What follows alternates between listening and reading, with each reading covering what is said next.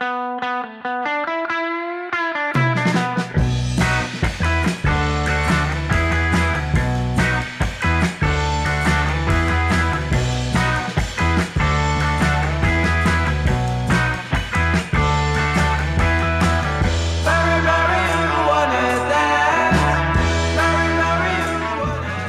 Welkom bij High Tea met Dirk en Rens, een podcast over cannabis en alles wat met deze wonderlijke en wonderbaarlijke plant te maken heeft.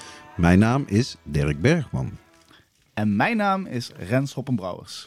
Deze aflevering wordt mede mogelijk gemaakt door Super Sativa Seed Club, hoogwaardige cannabiszaden voor geavanceerde kwekers, verkrijgbaar op www.sativaseedclub.com.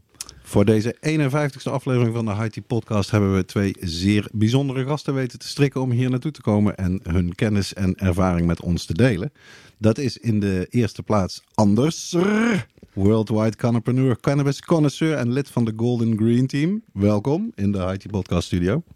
Dankjewel, dankjewel. Thanks for having me. Je hebt een, eh, een kameraad eh, meegenomen ook, hè? Ja, eh, een partner in onze ja, recente start-up. Een eh, internationale consultancy. En eh, mijn partner eh, Alex, Alexander. Hier. Hey, how's it going, guys? Alexander. here. Welcome, welcome very much. Zo ja, we, we maken een, een bilingual. We gaan gewoon eh, Nederlands en Engels een beetje door elkaar. Het leuke is dat eh, ja, Alex verstaat heel goed eh, Nederlands, dus die kan alles volgen. En hij praat natuurlijk wel in het Engels, dus dat gaan we lekker door elkaar proberen deze aflevering. Ja, wordt een leuke mix. In ieder geval, we beginnen sowieso met eh, Ryan. Eh, hij is een connoisseur puur zang in elke stap van het proces. Eh, het kweken, de, het hash maken, concentraten, edibles. Daar gaan we het straks allemaal over hebben. Maar eerst bespreken we natuurlijk het belangrijkste cannabisnieuws uit binnen- en buitenland van de afgelopen twee weken. Ja, er zijn een aantal grote verhalen uit het buitenland en uit binnenland. We gaan het hebben over de nieuwe studie naar de opbrengst van legalisering in Duitsland. Eh, de States Reform Act in Amerika. Het is een republikeins initiatief om cannabis op federaal niveau te decriminaliseren. Eh, de veroordeling van Robert V. Verka, mijn vriend en collega, hoofdredacteur van het Tsjechische tijdschrift Legalizatie, wegens, hou je vast, promotie van drugsverslaving. En het opmerkelijke nieuws dat Saba een onderzoek wil naar het harmoniseren van hun softdrugsbeleid met dat van Nederland. Ja, en ook meer nieuws in deze aflevering. Natuurlijk de campagne Normaal over drugs. Eh, het Eindhoven, de Eindhovense koffieshop The High Times moet negen maanden dicht. Eh, de wietproef documentaire van Frans Bromet is klaar. En er is ook een eerste vonnis in de rechtszaak tegen Suvernuve en Rinus Bijntema. Eh, Bijntema, sorry.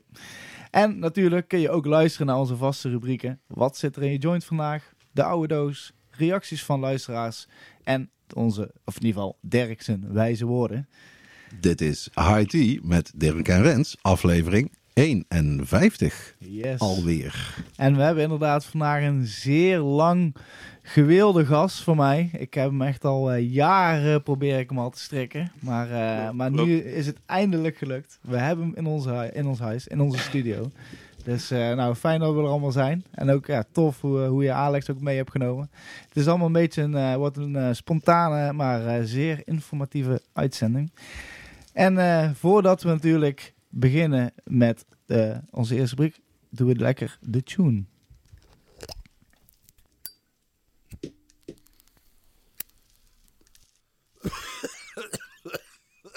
Wat zit er in jouw joint vandaag? En natuurlijk beginnen we eh, bij onze gasten. En eigenlijk is het wel heel bijzonder eigenlijk, want normaal eh, roken we bijna altijd allemaal iets anders. Maar nu roken we allemaal hetzelfde. Ryan, kun je daar eens over vertellen? Eh, ja, nogmaals ten eerste bedankt dat ik hier mag zijn. Zoals je al zei, het was een veelbelovende uitnodiging. Volgens mij sinds eh, de negende aflevering, als ik het goed Zo, zeg. Dus ja. ja, ja ik ben echt eh, blij dat ik hier nu kan zijn. En eh, ja, wat betreft het jointje, ik heb hier een, uh, een kosher koers gedraaid. Ik heb inderdaad een potje meegenomen voor ons om te delen. Dus eh, be my guest en eh, roll up. Hij ziet er Ehm, fantastisch uit, mag ik wel zeggen. Ja, Echt hè? props Ja, naar eh, deze grower. De producent is ook, ja, is ook wel echt iemand met passie. En Dat, eh, ik denk dat, dat dat zie je altijd wel terug in het product. Ja, verrukkelijke Dat is bloem. Echt heerlijk. Ja, het, het is heel grappig, want ik ben ook... Ik, eh, hij eh, anders kwam met een heerlijke coasterkoes aan. En ik was op dit moment was ik ook de coasterkoes aan het eh, roken. Eh, dus eh, het is heel mooi om, om te zien dat die twee soortjes, dat ze dan... eh, het zijn eigenlijk allebei andere fino's en ze hebben al- allebei hun eigen specialiteiten. Terwijl ze echt, echt op elkaar lijken. Misschien heb ik een beetje wat kleinere topjes. Ja.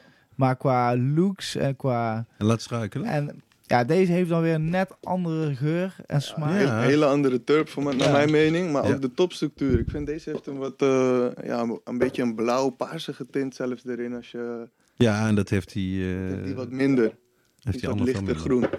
Maar Ja. wel ook alle- allebei. Zie wel de, de, de, de vormgeving. is wel echt die, die kosher. Weet je eh, dat bultige, hè? En die, Ja. eh, en die grotere Ja. bloem. Dus eh, we... Ik Very denk we- nice. Alex, what are you smoking on?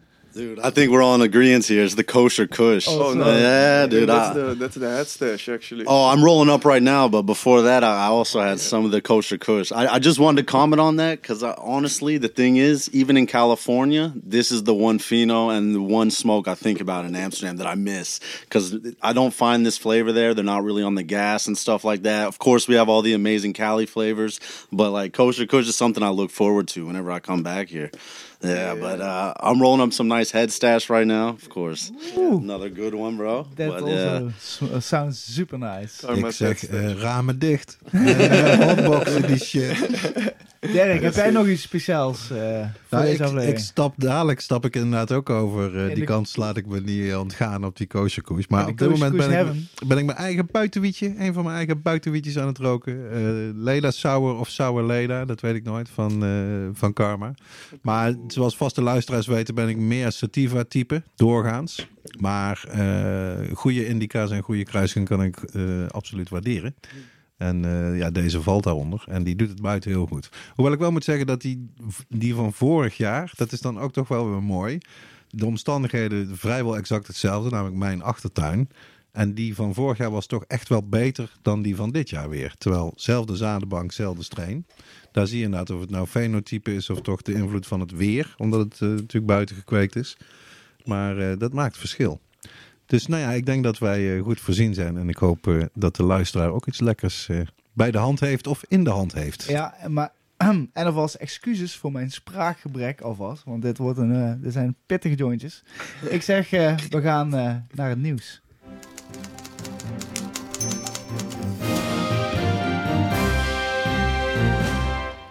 Ja, en ik denk we beginnen er maar aan, want we hebben genoeg te vertellen voor de lieve luisteraar.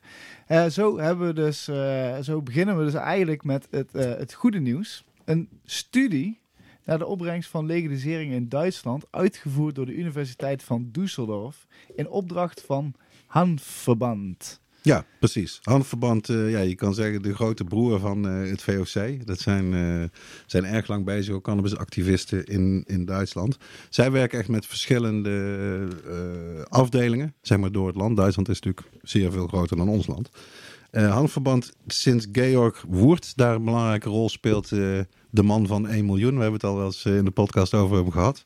Meegedaan aan een tv-format waarbij de kijker kon stemmen voor wie vind jij dat 1 miljoen euro moet winnen. En hij zei de hele tijd, als ik win, dan steek ik het in de strijd voor legalisering van cannabis in Duitsland. En hij won. Ja. Dus hij heeft 1 miljoen Hey. euro kunnen steken in zijn campagne. Blessing. En sindsdien is Handverband, weet ik toch wel zeker, of denk ik zeker te weten, de grootste ja, cannabis legaliseringsclub van Europa. En dat betekent dat ze deze grote, ja, een grootschalig onderzoek, een goed onderzoek, Universiteit van Düsseldorf, eh, dit onderzoek hebben laten doen van wat levert het op als Duitsland zou legaliseren. en dat is in totaal 4,7 miljard euro per jaar. Ik heb bang. En niet alleen dat, dat hebben ze namelijk ook berekend. En 27.000 nieuwe banen. Legale witte banen, waar natuurlijk ook weer loonbelasting over wordt betaald. Dus je, wat erg mooi is om te zien, is dat die studie echt breed is opgepikt. De Spiegel heeft erover bericht en andere grote Duitse media en ook internationale media. Ik heb hier een stuk van eh, Reuters eh, erover. Pot of gold. Cannabis could bring Germany 5 billion dollars a year. Survey. En ja, goed getimed ook, want eh, de coalitieonderhandelingen in Duitsland zijn nog steeds bezig voor de regenboog, of nee, niet de regenboog, de stoplichtcoalitie. Hè? Op de reggae. De Ampelcoalition, of ook wel Reggae Coalition, want de kleuren zijn hetzelfde, hè? rood, geel, groen. En eh, ja, de kans lijkt toch best eh, heel erg groot dat die nieuwe Duitse regering, onder leiding van Olaf Scholz, Scholz van de SPD, dat die echt gewoon cannabis adult use gaan legaliseren. Ja, Stel je toch echt eens voor. Ongelooflijk. Dan, En deze studie helpt daarbij, omdat dan ook voor de gewone Duitser die daar niet zo mee bezig is, eh, is duidelijk is, wauw, 4,7 miljard per jaar en 27.000 nieuwe banen. Dat is niet niet. Dat is niet niks in coronatijd. Ja, en er was dus ook nog groot nieuws uit het VS deze week. En eh, toevallig dat we iemand ook aanwezig hebben uit de VS. Maar eh, de Republikeinen hebben een wetsvoorstel gemaakt om cannabis op federaal niveau te decriminaliseren. De States Reform Act. Ja, meestal Ja. zie je natuurlijk dat de democraten eh, actief zijn op dit front en met wetsvoorstellen komen. Er zijn er ook al twee van de democraten. Maar ineens eh, komt deze eh, republikeinse eh, Nancy Mace, heet zij, met dit wetsvoorstel gesteund door vijf andere republikeinen in de Senaat, nee, in het House of Representatives, neem ik aan. En dat is erg interessant. Ik, eerder deze week was een interview met haar notabene op Fox News. Wat, ja, wat mij betreft zeer memorabel is. Omdat daar werd gewoon in alle openheid en positiviteit gepraat over hoe stom die oorlog tegen een plant wel niet is. En hoe belangrijk het is dat Amerika heel snel gaat legaliseren. En dat dit republikeinse plan daar dus goed voor is. Inclusief voor veteranen, inclusief eh, kleinere ondernemers die ook deel moeten kunnen nemen aan de markt. En inclusief een landelijk belastingtarief van niet meer dan 3%. Terwijl als je de democratische wetsvoorstellen leest, dan kan het oplopen tot wel 25% belasting op legale wiet. Dus het lijkt er bijna op dat de republikeinse plannen voor legalisering wat beter eruit zien dan die van de democraten. Zo zie je maar weer. Dat is ongelooflijk. How do you look to uh, look? I of how? uh, uh, yeah, my uh, changing to English is uh, yeah, this is gonna be a crazy one, guys. Strap up. What do you think, Alex? Yeah, what do you think of this, uh, Alex? Sorry. You know, I- I'll be honest. Like uh, politics, not a thing I get into, but of course, when it comes to a subject like this, it's uh, it means a lot to me. So this is something I follow, and uh, I just think one good sign that's out of this is that both parties are actually starting to really look at proposing this bill, and it shows that some sort of unity on, this uh, on this subject's getting there, and we're getting to a point that we probably will get to legalization. And uh, yeah, uh, like you said earlier, I think it's very interesting the three percent, you know, versus the much higher percent uh, proposed by the Democrats, because uh, in that situation, you need to be able to battle the black market in price. And uh, California is a uh, perfect example of this. They're dealing with all these struggles right now because uh, they have these high, high taxes, and because of that, the mark, black market's thriving and it's having majority of the business. And it doesn't matter how much the tax is if if you can't sell anything. Yeah, exactly. If it's the prices are too high, and you go to your friend, uh, neighborhood friend, and who sells still very good weed for Yeah. the half of the price. Yeah. They also did this in, in Uruguay, of course, the, the first country in the world to uh, legalize on the national level, where they said uh, they sell it, I think, in the in the apotheek, in the dispensary, uh, so to speak, and there they say it has to be really cheap, otherwise it's no use. If it's if it's more expensive than the black market, you're never gonna win. Exactly. Yeah. It's uh, So very interesting, and and yeah, hopefully an inspiration also for the Netherlands. en dan weer terug naar Nederlands. No, Nou no, I, I, because I want to quote, and that, that I have to do in English because I, I think it's a lovely, uh, lovely piece of uh, text from um, the San Francisco Explorer, American newspaper, about this news. But the, these were people; they are in uh, on Cannabis Business Alliance, so they are uh, proponents of legalization. So it's an opinion article, but uh, I think they worded it very nice when they wrote. Like Florida oranges or Vermont maple syrup, California cannabis promises to become a luxury exported around the world. Small operators and entre- entrepreneurial individuals also deserve the opportunity to take part in this brand new industry. Envisioning a day soon when America exports this highly desirable product, Representative Mace's proposal leaves very few barriers to entry for entrepreneurs, which I thought was uh, quite fitting for uh, our two guests on the show. Vandaag Yes. in the IT podcast. Right? Oh man. Right on time.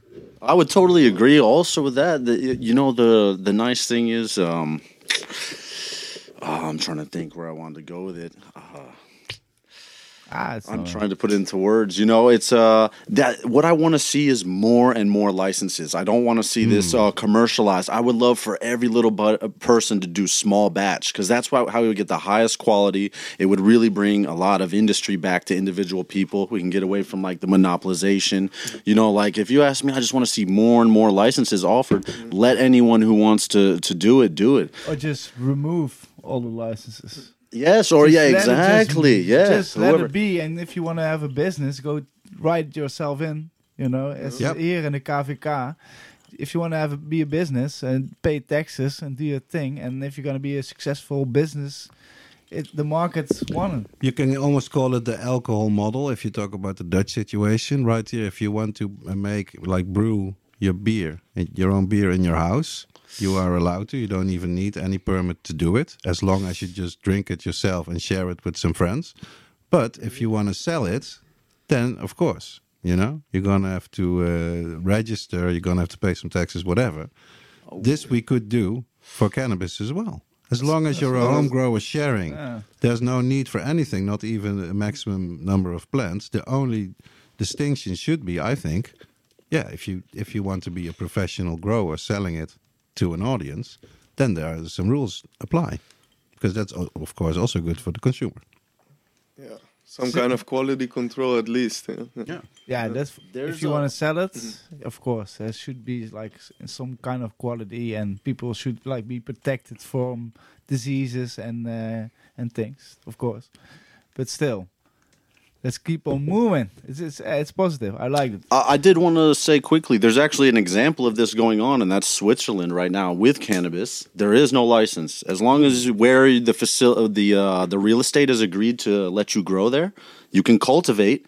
And you just go and tell them where you're doing it. You don't ask for permission. And this is with CBD currently.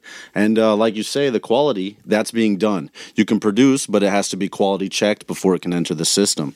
So there's actually examples of this currently going on just with CBD versus THC. And yeah.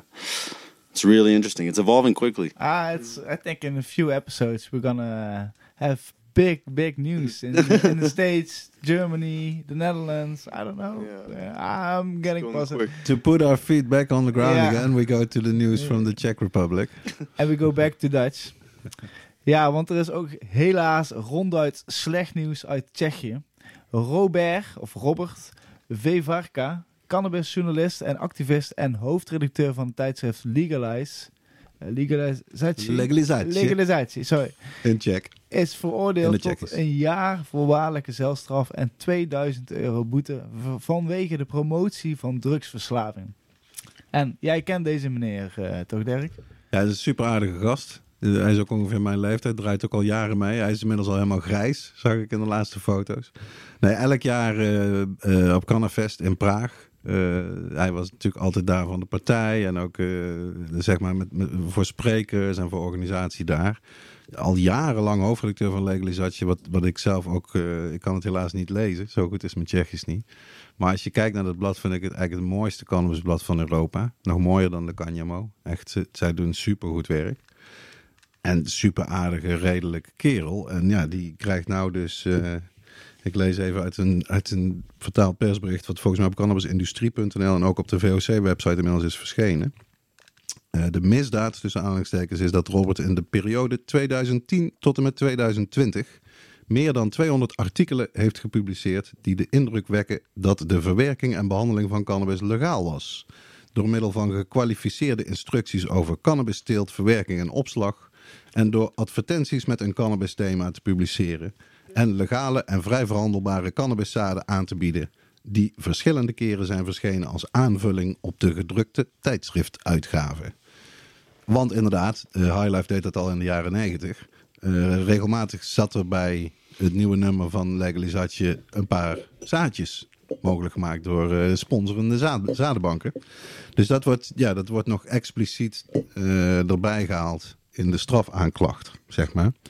Ja, het goede nieuws is dat het natuurlijk wel voorwaardelijk is. Maar het slechte nieuws is met een proeftijd van 2,5 jaar. Hier wordt gewoon een, een in heel Europa bekende cannabisjournalist eh, het zwijgen opgelegd. Hij mag niet meer schrijven over cannabis, want anders moet hij een jaar de gevangenis in. In Europa. Lid van de Europese Unie. Ongelooflijk. Dus eh, wij staan als Nederland in ieder geval vaak klaar om andere eh, landen met de vinger te wijzen wat ze wel en niet moeten doen op het gebied van mensenrechten. Maar ik hoop toch dat mensen als Frans Timmermans en eh, wie we nog meer hebben in Europa, ja, ook willen opkomen voor Robert Veverka. En hij mailde mij vandaag nog. thank you very much for sharing the press release. Yes, it's crazy time here in Czech. It will be legal to have 1% THC from January 2022 here. And in the same time, they prosecute me for publishing information about cannabis. Hard to believe. We'll keep you updated on the case. Best regards. Dus laten we hopen dat dat in hoger beroep en ook na druk hè, uit de rest van Europa eh, goed komt. Want dit is natuurlijk eh, bizar, om Echt het bizar. zo maar eens te noemen. Crazy. Ja. ja, echt heel kut eigenlijk. Maar ja, laten we hopen dat het nog goed komt. Sorry voor de, voor de slechte woorden. We gaan verder. Nog eh, opvallend nieuws uit Saba. En Saba is een van de eilandjes, een kleine Een eilandje van de best, eh, best eilanden. van, de, van, eigenlijk, eh, van Nederland. Of hoe noemen we dat? Hoe, eh, Nou ja, dat is dus interessant. Sinds 2010 zijn die gewoon, dat zijn gemeenten van Nederland. Die zijn onderdeel van Nederland. Gemeente. Ja, Oh, echt een gemeente van Nederland. ja. Die horen echt weer bij Nederland. Dus die Hoe dat hebben precies staatsrechtelijk in elkaar steekt, weet ik niet. heel apart. hoe maar- dat kan, hè? Wat, wat dat als interessant gevolg heeft, is dus dat nu de, de eilandraad van Saba heeft een brief gestuurd naar onze minister van Justitie, Vert Grapperhaus. Wie kent hem niet? Oh, Ook CDA. En daar vragen ze, en dan moet ik eventjes goed kijken wat ze precies vragen. Eh, ja, ze vragen eh, om te verkennen in hoeverre het mogelijk is om het softdrugsbeleid en de regelgeving op elkaar af te stemmen op de situatie in Nederland. En eh, kijk, dan wordt het interessant. Ik, ik lees voor uit een bericht van de website bonaire.nu van 16 eh, november. Volgens de Eilandraad is de opiumwet BES, die dus geldt voor alle drie die landen, een oude wet die stamt uit de jaren 60 en nooit is gemoderniseerd. Ook niet nadat Bonaire, Sint Eustatius en Saba in 2010 bij Nederland kwamen. De verouderde wet vormt de basis van meerdere vervolgings- en strafrechtelijke richtlijnen, waarbij de straffen voor overtredingen betreffende softdrugs op de drie eilanden veel zwaarder worden bestraft dan het geval is in Europees Nederland. Ja, dus dit opent de deur, zou ik zeggen, naar Caribische coffeeshops. Tada, tada. oh, feestje. Maar ja, inderdaad, zoals eh, Zeker weten. Ryan al net zei, moeten we dit eigenlijk willen? Moeten we daar coffeeshops willen? Ik eh, zou zeggen van wel. I'm going. Ja, ik weet niet als het echt het exacte coffeeshop model dat hier in Nederland is. Ja, maar dan dat helemaal, zou daar niet helemaal werken. legaal, helemaal wit gewoon. Ja, maar het coffeeshop model dat wij hier kennen, heeft een achter, achterdeurbeleid. Ja, dat moeten we Op niet een hebben. eiland zo, zoals dat zie ik dat echt niet voor Ik me. zie daar meer een Echt social club eh, concept of zo. Er zijn andere Mensen manieren. lekker samen kweken, Oké. lekker dingen. Dat zou ik denk ik eerder verwachten. Want ik, weet, ik heb niet opgezocht eigenlijk hoeveel inwoners... Ja, eh, niet zo gek veel natuurlijk, Nee, maar nee. eh, wel veel toerisme. Nou ja, al- al- als er één koffieshopje is die dan ook wel mag, mag Precies. afnemen van een legale teler daar in, eh, in, ja, op de Hoe noemen we eiland. dat hier? Gesloten keten, toch? Ja, ze doen daar gewoon een een, gesloten keten, joh. een mini-experimentje erbij. Nou ja, ik, Interessant. ik, wens ze dat toe. Zo mooi. Ik vind het wel leuk in ieder geval dat gewoon al hun daar ook gewoon ook mee bezig zijn. Toch? Nou we- want ze schrijven in die brief erbij aan het ministerie van Justitie dat de, dat de meningen wel over verdeeld zijn op de eilanden. Maar dat er ook wel degelijk mensen zijn die vinden dat het legaal moet zijn daar. Of in ieder geval een gedoogbeleid, zoals we het hier in Nederland hebben, dat je een eh, instelling zoals Coffeeshop wel kan hebben. Ja. Want het is ook raar als je zegt, jullie zijn een gemeente van Nederland. Alle regels en wetten zijn helemaal hetzelfde. Maar die joint, dan word je ineens tien keer zo hard gestraft dan in Europees Nederland. Apart, ja. Apart. Ja, maar ik denk dat, eh, dat merk ik zelf ook eh, vanuit Curaçao. Daar zijn er nu ook initiatiefnemers die dit eigenlijk aan proberen te vechten en die, die echt opstaan. En eh, uiteindelijk eh, samen staan ze sterk. En ze moeten eh, gewoon informatie blijven delen, zodat andere, mannen, andere mensen het ook beter gaan begrijpen. En ze kunnen het beter doen dan Nederland. Ze hoeven nou bijvoorbeeld maar te kijken naar Amerikaanse staten. Dat is heel interessant daar. Hè? Elke staat die erbij komt met adult use model, is net weer wat beter vaak, die wetten. Dan weet je wel, dat is de leren van hoe die andere staten het hebben gedaan. Ik las nou over New Mexico, nou fantastisch. Ook twaalf planten eh, thuisteelt, bijvoorbeeld. En, en vooral heel lage drempel van mensen om mee te doen in de legale industrie. Want dan denk ik van, dat is dus heel goed voor werkgelegenheid. En dat is heel goed voor, eh, eh, zoals het in Amerika veel erger is dan hier. Hè, gemeenschappen die extra hebben geleden onder war on drugs, dat die juist die een kans krijgen. Maar ik denk ook, tuurlijk is dat ook goed tegen zwarte markt. Dat, dat weten wij in Nederland natuurlijk ook. Zoveel kwekers die nou die zwarte markt zijn, die echt wel legaal willen. Ja. Als het een beetje op een normale, voor hun manier kan, hè, dat ze gewoon goed kunnen werken, dan willen ze gewoon wit en belasting en prima. De meeste toch, denk ik. Ik denk dat, net zoals jij ooit hebt gezegd, of eh, ik weet niet jij gezegd, dat iedereen die met tabak rookt, diep Ja. van binnen heel graag wil stoppen met die tabak. Ik denk dat elke kweker die dan echt wel met passie kweekt, die eh, heeft wil diep van binnen gewoon dat het allemaal gewoon vrij en legaal is. Dat ze gewoon allemaal gewoon, gewoon erkende vaklui zijn. Weet je wel. Ja, en dat het risico weg is. Weet je? Het, het over je schouder moeten kijken, omdat je eigenlijk op elk moment een probleem kan hebben, omdat wat je doet verboden is. Ja. Dat, dat risico, zeg maar. Dat, ik denk dat ze daar allemaal wel vanaf willen. Ja. Maar in ieder geval, ehm, nog eh, eh, meer nieuws. Op 13 november is de campagne Normaal over drugs gelanceerd. En dat moet jij ons beter uitleggen. Want eh, Nou, het was voor mij zelf ook enigszins een eh, verrassing. Weer een initiatief van weer een nieuwe club, of eigenlijk in dit geval een eh echtpaar. Namelijk eh, Merel en Jochem Jansen. Dat zijn de initiatiefnemers van deze campagne. Maar ze hebben het groot aangepakt. Hij is ondernemer, eh, serial entrepreneur ook. En in meer dan twaalf steden en langs snelwegen en in de metro's van Amsterdam en Rotterdam komen diverse, of zijn inmiddels diverse uitingen met one-liners over het huidige drugsbeleid. En eventjes kijken uit het persbericht daarover. Ja, eh, Merel en Jochem Jansen. Merel is medeoprichter van Cultuurhuis Ten Club in Amsterdam. Jochem is meervoudig ondernemer en initieerde in 2020 het online platform High Humans, waarmee hij het taboe op drugsgebruik wil doorbreken. En een quote van hem is: Het drugsbeleid is de afgelopen jaren harder en repressiever geworden. Maar wat heeft deze aanpak opgeleverd? Er is nauwelijks voorlichting, drugsafval wordt gedumpt en er is steeds meer criminaliteit. Er zijn geen eenvoudige oplossingen voor de drugsproblematiek, maar een verbod is geen beleid. Dat Ah, ben ik van, eh, dat ben ik van harte met die meneer eens. maar hij strijdt echt voor echt alle drugs gewoon. Hij wil gewoon dat alles Hij wil die brede discussie. Nou, dat vind ik wel goed hoor. Ik ben En, er eh, alleen maar voor. Ja, dat lijkt me op zich goed. Dus ook op social media, eh, hashtag normaal over drugs. Komen ze echt veel tegen, moet ik zeggen. Ze worden, eh, ik, ik weet niet hoe, maar eh, hij, doet het, eh, hij doet het goed. Of Sun doet het goed. Nee, Ja, dus inderdaad, alles wat meehelpt richting einde aan eh, drugsoorlog, dat eh, juichen wij toe. Zeker weten. Mm. Yes, de documentaire van Frans Bromet over de wietproef heet Legale Wiet. En het VOC organiseert op 1 december een voorvertoning in het Cannabis Colle- College in Amsterdam. Ja, voor mensen, eh, onze luisteraars die er heel snel bij zijn, dan moet je een mailtje sturen naar info.voc-nederland.org. Want eh, we gaan op 1 december s'avonds inderdaad eh, een voorvertoning doen van die documentaire. Hij duurt 55 minuten. En daarna hebben we Frans Bromet is in de house. Dus doen we Q&A met eh, Frans Bromet. En wij wisten natuurlijk al een tijdje, Rens, dat hij bezig was met die documentaire. Waarvan we op een gegeven moment dachten, volgens mij vo- volgt hij alleen maar eh, Project C hè, uit Breda. Van Peter Schouten en eh, co. Maar eh, ik heb hem zelf dus nog niet gezien, want hij wordt op dit moment gemonteerd, denk ik. Hij is echt bijna klaar. Maar in ieder geval, John en Ines die zitten er ook in. En eh, ik ben zelf echt wel een liefhebber van het werk van Frans Bromet. Regisseur al jaren bezig. En eh, ja, een eigenzinnige man. Dus ik ben benieuwd naar die documentaire. En op 1 december gaan we die dus voorvertonen in de Cannabis College. En op dit moment zijn er nog een paar plekken voor beschikbaar.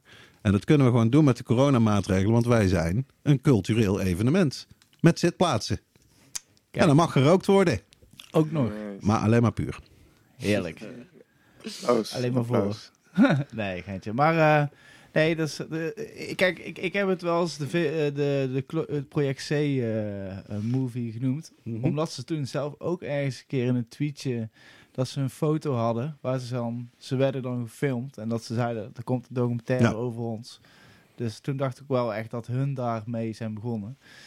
Dus, maar ik, ik laat me eh, aangenaam verrassen. Ja, en ik heb nog even contact gehad ook met eh N Bromet, het, eh, het productiebedrijf van die documentaire. En hij komt ook, als het goed is, binnenkort al wel op tv. Dus voor mensen die niet hè, daar naartoe willen of kunnen komen, hij komt waarschijnlijk gewoon in december. Ook eh, bij Nederland ergens op een publieke omroep wordt hij uitgezonden. En hij heet dus simpelweg Legale Wiet.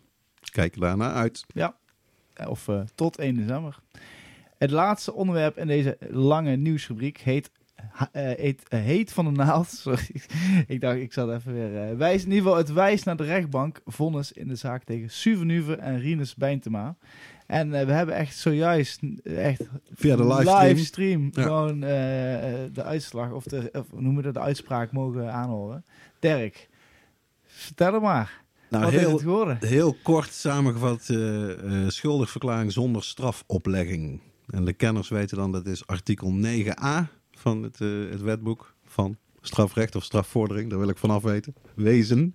Maar ja, dat is, ik, ik was zelf aangenaam verrast daardoor. Hij krijgt dus helemaal geen straf. Terwijl hij op drie à vier punten uit de aanklacht is hij dus wel schuldig bevonden. Hij heeft de wet overtreden. Oh, De oh, opiumwet en de geneesmiddelenwet. Ja, dat, vond ik, dat vond ik nog wel. de- Ik dacht, oh, hij gaat nat. Ik heb het drie keer Ja, gezegd van, oeh, dat Ja. hij op zulke dingen, nou, dat wordt wel echt, daar gaan ze niet eh, klein, eh, klein. Een vrouwelijke rechter. Ja. En eh, ik ze leek nog zo vriendelijk. Nee, ik heb het vonnis niet eh, nog kunnen teruglezen, maar ik vond het wel ja, redelijk eh, uitgebalanceerd en genuanceerd eh, klinken, moet ik zeggen, dat vonnis. En toen ze dan kwam bij waar het echt om ging, namelijk wat is dan precies die straf? Toen vastgesteld was dat ze inderdaad de wet hebben overtreden, Rinus Bijntema persoonlijk en de stichting Suvernuve, want die waren alle twee aangeklaagd. Hij heeft ze uitgebreid geciteerd uit de, de strafmotivatie. En die kwam er eigenlijk op neer dat zoveel mensen eh, baat hadden bij wat, wat Suvernuver doet en wat Rinus doet. Dat ze daar als rechtbank de ogen niet voor willen sluiten. En dat eh, gezien al die positieve eh, ervaringen en getuigenissen van al die duizenden leden.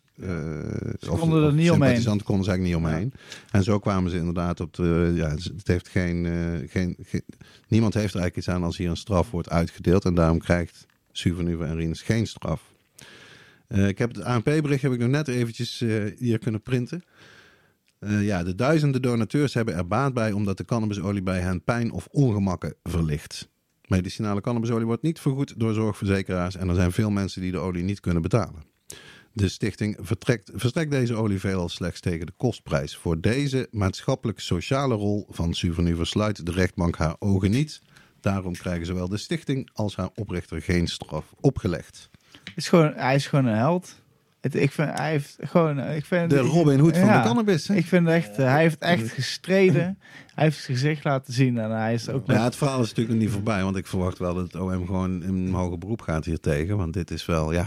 Maar Als iemand nou eh, toch aan 16.000 mensen wietolie stuurt en die krijgt daar geen straf voor, hoe kan je dan straf geven aan iemand die in zijn eigen tuin hè, één flesje wietolie maakt voor zichzelf? Maar laten we dan hopen dat op tenminste dit een, een stap is naar een, eh, een nieuw beleid. Ja, man.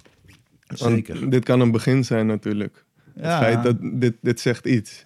Absoluut. Deze uitspraak. Absoluut. Dus ik, dit kan eh de groot was al, zijn. was al een vrij lage straf. Dat was in feite al een, goede, ja, een goed voorteken. Maar de, deze uitkomst, want ze kunnen volgens mij helemaal niet eens vrijspreken, omdat aan alle kanten duidelijk is dat die wet is overtreden. Want daar ging het allemaal om. ja, ja. Maar dit is dus ja, eigenlijk het beste, de beste uitkomst die we hadden kunnen krijgen voor Suvernuver en voor Rinus. Hoera! Yes, ja, echt. eh, Maar je skipte wel even over een heel slecht nieuwtje. Ik weet niet of dat per ongeluk was of expres. Onze eigen High Times, althans hier in Eindhoven. Oh ja, jongen. Oh, ook inderdaad. Nou, ik ben blij dat jij lekker scherp bent, Dirk. Ik. eh, ja, sorry. Blame it on the coach. Nee, inder- inderdaad. Ik, eh, ik was. slecht eh, nieuws. Ja. Nee, de High Times moet negen maanden dicht, omdat er te, in een, niet, niet, zelfs niet in de shop of bij de shop, maar in een- in een pand gelieerd aan de shop, zoals het dan heet, eh, vooruit is gevonden van de shop. Ja, High Times is een van de alleroudste en meest betrouwbare, gezellige coffeeshops van de stad, toch? Jouw Ah, shop toch ook? Ja, High Times. Ik, ik wou net zeggen, toen ik het hoorde, denk ik echt van Jezus, godverdomme, waarom? Weet je, dat is echt een van de koffieshop die altijd zo netjes is.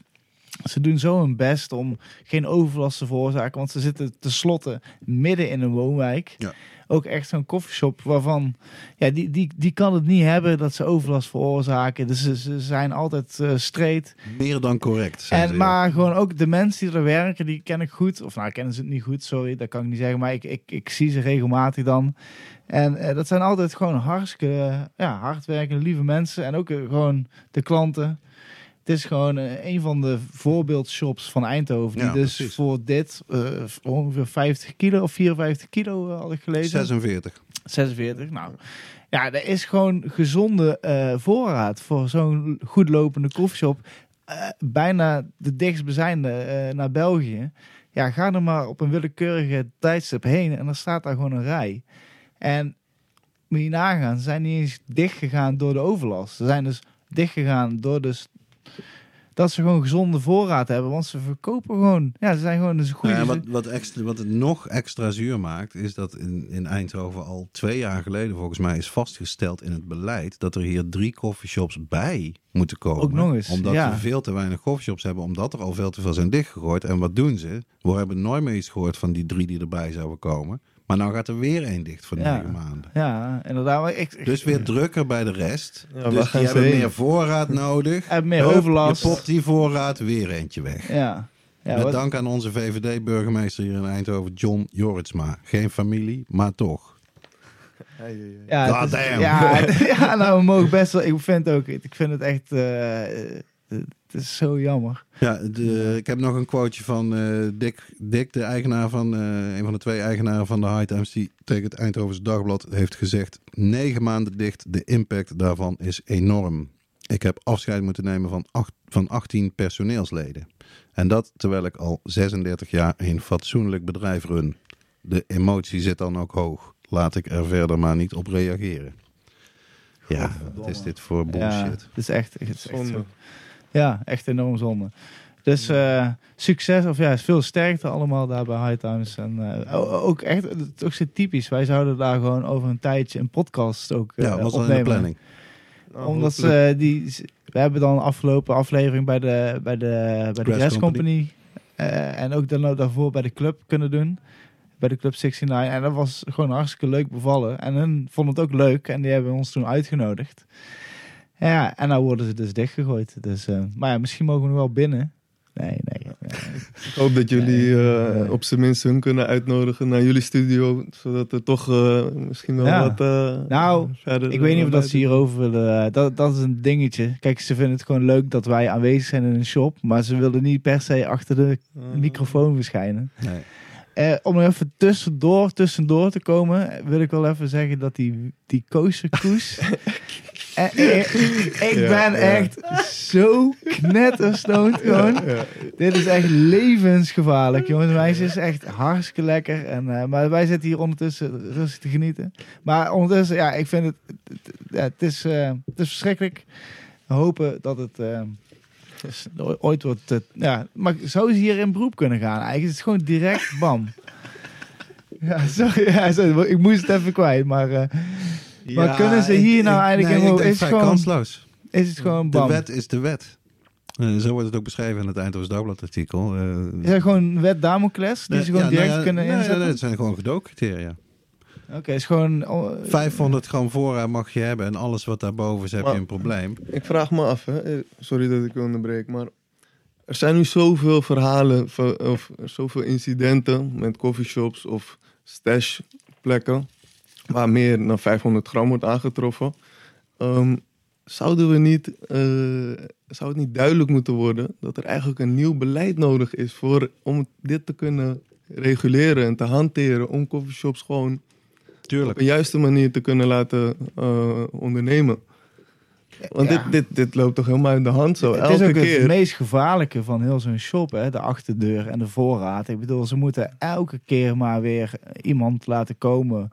Of ze moeten het magische wijze uit de lucht laten kunnen vallen. Maar in ieder geval, Het is het- heel onrealistisch. ja, hè. en, en ze zetten elke keer, ze, ze zouden inderdaad eh, gewoon voor de coffeeshops die dus buiten het experiment vallen voor de komende vijf jaar, dat die bijvoorbeeld wel mogen experimenteren met een, een, een grotere voorraad. Weet je wel? Ik bedoel, kom op. Kijk, vijf, v- 46 kilo. Ja, kijk, eh, dat- kijk, in principe heeft gewoon elke winkel een voorraad van een maand bijna, weet je wel. Dus eigenlijk is het helemaal niet gek. Nee. En Nou ook ja, en voor wat voor toevoer ze krijgen, omdat al die gemeentes om Eindhoven en natuurlijk België en Frankrijk hun shit niet oplossen. Ja, dus ze komen allemaal naar Eindhoven, ze mogen niet meer naar Maastricht. En echt tussen Maastricht en Tilburg zit er eigenlijk geen fatsoenlijke koffieshop. Maar ze gaan maar naar Eindhoven, omdat ze wel goede hees hier kunnen krijgen. ja, en, en het is gewoon... Ja, het is gewoon... Ik word er gewoon verdrietig van, weet je wel. Het is Ja. gewoon wat een gezeik elke keer. eh. Nou ja, en voor die mensen, ik ben ook echt gebeld door meerdere mensen die zeiden van mijn vriendin die werkte daar, die is nou inderdaad, wie heeft daar wat aan, weet je wel? Die mensen zitten nou in de WW. Ja, Ja. Er kut. meer, me- meer druk op de andere coffeeshops, weet je wel? De nieuwe problemen dienen zich alweer aan. Wie is geholpen bij zo'n beslissing? En hoe kan het ook dat de gemeenteraad hier in Eindhoven niet aan die burgemeester weet duidelijk te maken van gast? Niemand is hiermee geholpen. Integendeel, dus doe dit niet. Want dat kan dus wel. De burgemeester heeft die macht dat hij kan zeggen ik gooi je dicht. Maar die kan ook zeggen ik gooi je niet dicht, want dat maakt het erger. Geef ze gewoon een goede boete, net zoals bij de ABN AMRO of zo. Ja, maar Dat- dat- of weet ik wel. Of zo, alleen- ja, serieus. Alleen een boete gaat toch niet helpen? Ik denk echt, wat ik net al zei, we moeten echt gaan veranderen. En dat Ja, kan alleen tuurlijk, als, als we samen, als, als community, Nou, ja, dus zij, maar ook wij, ehm Ik samen denk komen om. Duitsland, Duitsland kan alles veranderen. Als, als Duitsland omgaat, en het, ik heb daar echt nog steeds goede hoop op, dan eh, wat lullen we hier dan over een wietproefje en de 500 grammetjes en weet Helemaal wat. waar. Ja. Canada is al om, weet je wel, Amerika, al het goede nieuws wat we horen, die kunnen ook omgaan. Dan, dan is het hier gepruts in de marge. Nee, zeker, dat, daar ben ik ook helemaal mee eens. Maar het is, het is toch, eh, wat, wat ik eerder heb gehoord, het is een begin. En als we het op deze manier doen, dan moeten ook voor die, de andere shops die nu buiten het experiment vallen, moet er toch iets zijn. Zeker en, weten. en, en ik denk dat daarvoor, als je kijkt naar hoe het bijvoorbeeld in Canada of Amerika gaat, daar zijn echt boekpapieren aan hoe Yep. dat gereguleerd wordt aan transport, de security, de Ja. storage, et cetera, et cetera. Nou hier, kunnen wij die- die- eindelijk eens leren van het buitenland. Waar Ja. het buitenland echt decennia lang van naar ons- Nederland kwam om Ja. te kijken, hè, koffieshop, hoe is dat dan? En eh, gaan die mensen dan niet dood? En eh, weet je, zijn allemaal losers die er binnen zitten en zo. Nee, maar kom, en nou kunnen wij van hun leren. Ze hebben nu gewoon ook veel meer ervaring opgebouwd natuurlijk. En daar, Ja. daar moeten we ook van leren. Waarom zouden we het wiel opnieuw uit proberen te vinden? toch? Ja, dat hoort helaas toch wel een beetje bij hoe Nederland eh, nou is. Heel navelstaarderig, heel erg op zichzelf gericht. Niet naar buiten toe en kijken wat andere mensen in andere landen op dit punt doen. En dat is wel heel jammer. Maar ik denk dat eh, dit is wel een dingetje waar jij natuurlijk jezelf eh, meer in het verdiepen bent. Maar voordat we daar Induiken. induiken, willen we met jullie eens eh weer dieper. We, we sluiten het nieuws. We hebben het nieuws even, het was eh, serieus. en we, we hopen iedereen Serious het beste. Maar we gaan nu ons verdiepen op onze gasten. En we beginnen eigenlijk, we beginnen eerst bij Anders en we komen dadelijk in het chronologische verhaal. Komen we, Alex komen, komt erbij. Dus geen probleem, alle luisteraars. eh, dit wordt onge- Jij eh, houdt de rode lijn gewoon ik, ik keihard probeer vast. het, ik probeer het. Ik probeer het, maar Mooi, dan eh, leun ik een beetje ik achterover. ben niet helemaal koosje meer, moet ik maar zeggen. Ik heb die koosje koers nou in mijn grinder Ja, zitten. ik moet zeggen, die foto, ik heb een, fo- een filmpje gemaakt. Dat was een mooie top zo op die grinder. Oh ja? ja man, dat zag er wel... Kosher news. Really? Ja. Nieuws. Maar ehm, anders, in ieder geval eh, onze, onze vervente gast, onze liefhebber eh, van eh, cannabis en nog veel, eh, ja, nog, in een bredere opzet, of, ja, hoe moet je het uitleggen? Ik denk dat ik jou voor de eerste keer heb ontmoet bij de Elite Cup, volgens mij. Nou, in ieder geval, ik ga even uit mijn eigen geheugen, want ik ben eens, ik ben eens nagedenken wanneer ben ik jou voor de eerste keer tegengekomen. En toen moest ik dus denken aan dat ik dus met Mauro was ik echt, ik was nog net bij het VOC. Wij wilden toen, wij wilden toen volgens mij net de Homegrown Cup waren we begonnen in 2015. Ja. En toen werden we meteen uitgenodigd door die kerel van de Elite Cup. Die, eh, wat was die? Die Engelsman. Eh, Dave of zo. Ja, Dave. Ja, nou ja, ja, kijk ja. dat je het al weet, dat maakt me... Maar Dave's not here. Dave, nou, nou, Dave eh, was inderdaad not hier Laten we daar niet over nee, hebben, Nee, nee, nee, daar gaan we niet over. Maar wat me dus eh, van die cup, dus, want het was, ja, dat was ook echt wel de trouw. Nee, daarna volgens mij zijn we de cup, omdat ik het gewoon niet aankon hoe daar die cup werd georganiseerd. Serieus. Ja, dat was, dat was best erg. Ja, was heftig, ja. We Maar hebben goed. wel toen eh, nog eh, winst meegenomen bij hem. Ja? niet, dat heeft dus niet heel veel waarde op zo'n moment. eh. Nou, nou, ik moet wel, het heeft Ja, voor ja. mij, heeft het echt, was het voor mij was het een, een enorme eh, eye-opener. Want ik denk dat ik, eh, ik heb toen, was eigenlijk een beetje echt in de cannabis scene. Ja. Ik heb toen voor de eerste keer Bezel gezien, die ik toen nog nooit had. Ik wist helemaal niet wie hij was, maar ik Ja. had hem toen al gezien met zijn groep Engelse het allemaal gasten. online, maar dan zie je Ja, het ja. in het echt. Ja. Ja. En even later, pas eh, jaren later, kwam ik achter dat het wel. Maar ik, ik, ik, dat was dus wel hartstikke lekker eten. En er stond een chocoladefontein. Ja, Klopt, met, en die was medicated. Ja, ja. En eh, ja, dat was gewoon, nou ja, dat was gewoon de, de natte droom voor elke zoete, zoete kouwe. Gewoon, ja, gewoon eh, eh, weet je, aardbeien of spekjes. Alles, alles of dingen, en koekjes. En dan kon je er dan dopen in de chocoladefontein. En je werd er nog En nog knetter high, man. Ja. Ik was echt knetterstoned gewoon geval. Dus eh, ja, dat was... En dan moet ik nog zeggen, die, dat, die, eh, die fountain, die chocolate Ja. fountain, op zo'n moment proberen we hem echt minimaal te doseren. Want we weten, soms Ja. als je het lekker vindt, ga je meerdere Ja. malen terug. En dan wil je niet overdoseren en een, een, slechte ervaring eh, creëren. Dus eigenlijk, het, het feit dat je zegt van... hij, was echt heavy, dat betekent dat je wel echt vaak terug bent gegaan. Ja, ja, ja, ja. Ik, was, ja, ik ben een Ja. chocoladefan. Hè. Dus eh, ik heb heel zitten scheppen gewoon. Weet je wel. Maar in ieder geval, dat, was mijn eerste. Ik, moest, ik, voor, ik dacht, toen ik een beetje erin verdiepte over hoe jij was, daar- toen moest ik daar direct aan denken. Dus dat is echt al lang weer geleden. Echt, Maar, eh, maar in ieder geval, dat maakte al wel meteen een eh, goede indruk eh, op me. Maar, en, nu, en nu zijn we een podcast samen op aan nemen. Dus dat is heel ja. mooi. Maar we beginnen eigenlijk altijd bij alle luisteren, va- vast, of bij de gasten. Beginnen we eigenlijk bij het begin. Ja. En zijn we gewoon heel nieuwsgierig. Hoe ben je een beetje opgegroeid? Eh, en, hoe, eh, en wat was je eerste kennismaking met, het mooie, met de mooie plant? Cannabis. Ja, ja, ja. Eh, ja, het is, het is echt een, een lang verhaal. Het is, wat Ah, lekker. het is, het is voor mij, het betekent veel. Laat me daarmee beginnen. Ik denk hoe het begon is, ja, ik ben in eh, Noor- Noord-Holland, of in het noorden van Nederland, opgegroeid in een klein dorpje. En eh, op vrij vroege leeftijd eh, kwam ik in aanraking met, eh, met cannabis. Met iemand die had, die had het over wiet, over ja, jointjes. En gaan we dat wel eens proberen. En tijdens schooltijden, weet je, ook met, met vrienden en zo. En dat, ja, dat, was, dat was iets nieuws. Ik kende daarvoor dat mensen tabak rookten en, en draaiden. Dat was niks voor mij. Ik vond het, ik vond eh, ja, het had geen toegevoegde waarde naar mijn mening.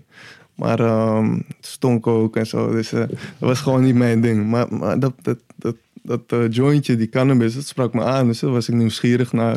Zo kwam ik in, eh, daarmee in, in aanraking. En mijn eerste ontmoeting die was zeer pleasant. Het was echt een, een je, ervaring. je ja, de ja. eerste keer high? Want dat is ook een ding, hè? Veel mensen de allereerste keer, dan voel je eigenlijk niks vaak. Ja. Maar bij jou was het meteen bingo? Ja, nou, ik, hoe ik het kan herinneren, heb ik echt, eh, ik had echt een eufo- euforisch, gewoon een, een, ja, gewoon een effect wat ik nooit, ik had wel eens bijvoorbeeld wel eens een sigaretje geprobeerd en dan je, zo duizelig en licht, eh, weet je, dat, dat vond ik sowieso ook niks.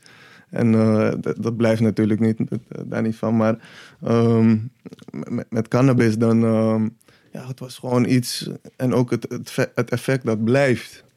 Het is niet even en dan, weet je, dus je had echt een, dan, eh, je manier van denken of zo. Ik, weet, ik kan het moeilijk beschrijven, het is ook lang geleden natuurlijk. Maar ik kan me wel kwam op herinneren een dat... andere, andere level. Ja, het was Andere gewoon iets wat mij, ja, mijn, mijn energy of hoe, ik weet niet hoe ik het moet omschrijven, maar dat, dat sprak mij aan. En daardoor was ik er dus meer nieuwsgierig naar. En op die manier kwam ik meer, ging ik waarschijnlijk zelf onbewust op zoek naar meer contact met mensen die daarmee bezig waren of die daar meer van wisten. Want ik ben er nieuws- nieuwsgierig naar. Wa- wa- Was je al direct nieuwsgierig naar bijvoorbeeld eh, hoe werd het gemaakt? Of was je meer nieuwsgierig Ja, nou eerst naar de soortjes? Ja, het was eerst, ik, denk en- gewoon als, als consument zijn, dan ben je gewoon echt eh, ja, het proberen. Je, je ziet, eh, ik weet, nog, nog, toen hadden wij een... soort, wij hadden vanuit, dat was in de buurt van Horen, hadden we toen de eerste tijd eh, bij coffeeshop De Boot en uh, Oh yeah. Hadden Dat we- weet ik nog wel. Daar had je zoldertrots.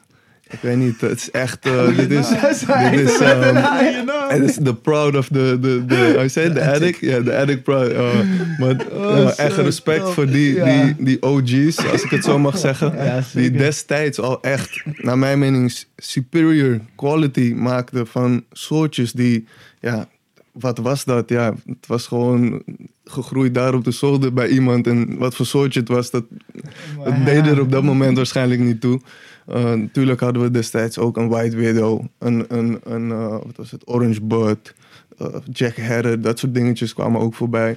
Dus ja, mijn, nogmaals, mijn nieuwsgierigheid, die laat mij die dingen proberen.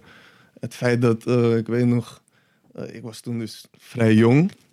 Uh, dan, dan, kon je dat zelf, kon je dat niet uh, halen natuurlijk. De coffeeshops in Nederland zijn eigenlijk uh, vanaf 18 jaar. Maar dan zijn er altijd oudere figuren die Ja, daar wel even hoe- binnenstappen. Hoe oud was jij ongeveer toen je die periode inging? Dat je het allemaal net Ja, prima mijn begint te beginnen, en- beginnende tienerjaren. Ik wil niet precies eh, eh, uitspraak uit doen, maar het was eh, vrij vroeg. Ehm, ja, ik zou redelijk in zijn 12, 13 jaar heb ik mijn eerste eh, encounter, zeg maar, mijn eerste aanraking eh, daarmee gehad. En dat, nogmaals, dat heeft mij dus zo op het pad gebracht dat ik daar dieper vanuit een, een boerenplek, als het ware, ging ik op zoek naar de grotere steden en daar waar wel meer aanbod was. En eh, ik weet nog, je had ook eh, voor gedraaide jointjes en, en dan Dutchies, puur voorgedraaide jointjes, die waren dan wat duurder. En, dat, eh, ja, dat, dat, vond ik allemaal interessant. Daar, be- daar begon dat een beetje eigenlijk. En dan ontmoet je natuurlijk ook een heleboel mensen in die tussentijd die ook interesse hebben in, die, in hetzelfde product. Misschien eh, ja, kan je daaraan re- relaten. Ja, weet je, dat, dat is, eh, vanzelf, ja. ja, ik denk ook dat het, dat is het mooie van cannabis. Dat het mensen samenbrengt. En het, het sociale aspect en die community.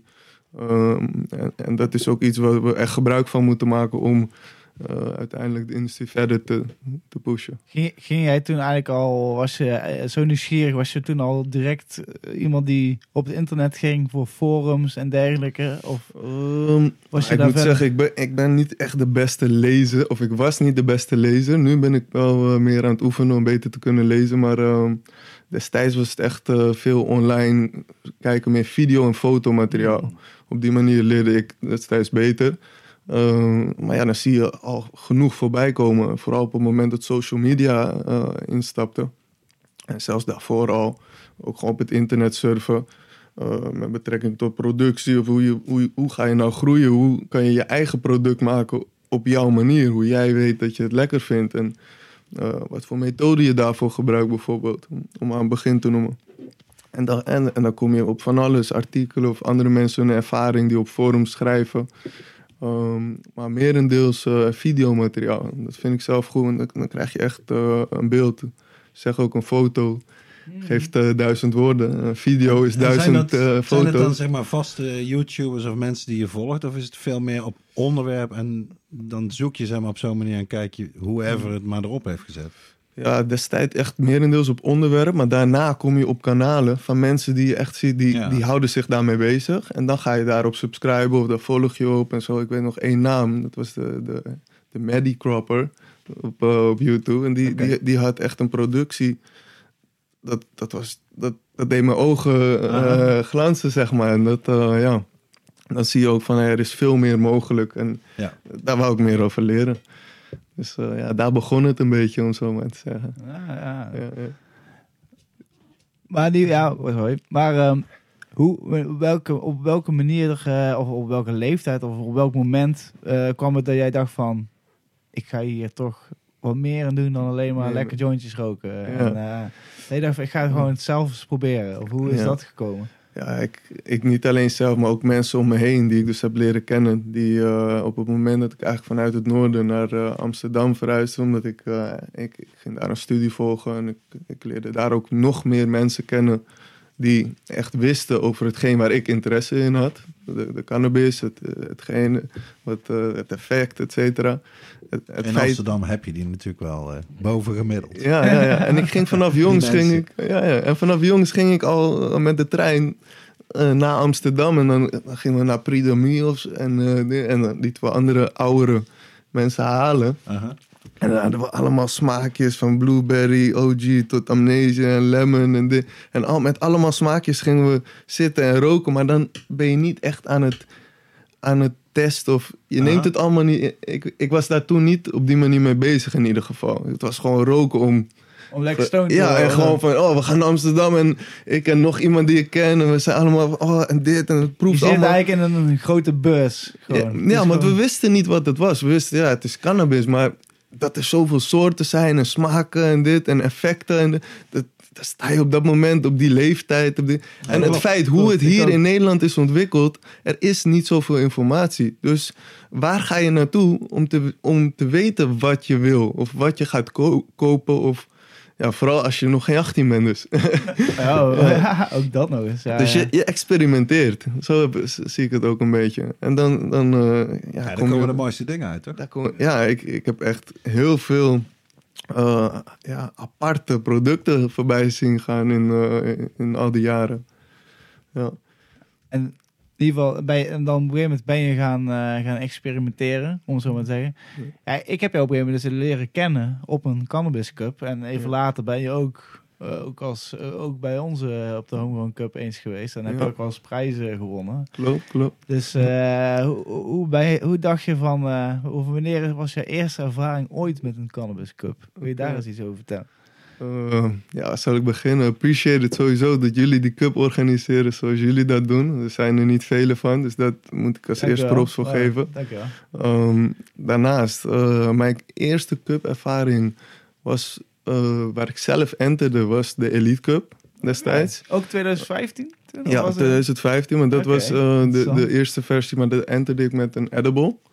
Eh, destijds, ja, ik, ik zag dat er een wereld hier in Nederland was die alleen qua edible alleen bestond uit de space cake, Ja. of de brownie. Ja, de- dat, ik dacht, break wat, that wat, market. wat- dat stelt niks voor. En dan heb ik ook nog een vervelende allergie voor, voor melkproducten. Dus ja, Ja, ja, de meeste ben je helemaal cake is weg. met boter of dit. Ah. dus dat, dat zit voor mij niet goed. Maar tegen die tijd was social media al ook al opkoming. En ik zie op social media zie ik eh, van alles voorbij komen uit Amerika. Van gummy bears tot koekjes, tot chocolate bars, tot lollies. E- Echt zo gek als je maar kan bedenken. Pasta saus vind ik altijd zo Ja, mooi. ja. Of die, die hot sa- of nee, nee, nee, de gekste. De, de, echt de gekste nog steeds vind ik. Die zakjes met eh pickles. Oké. De, de, echt, infused pickles. En het komt met een beetje juice en alles. Echt raar, man. Ik kijk ai, ai. Maar dat is dus een, een edible. Mensen eten dus echt die augurk zo met bijvoorbeeld eh, ja, een bepaalde de dosering. Whatever, ja. Ja, ja, heel apart.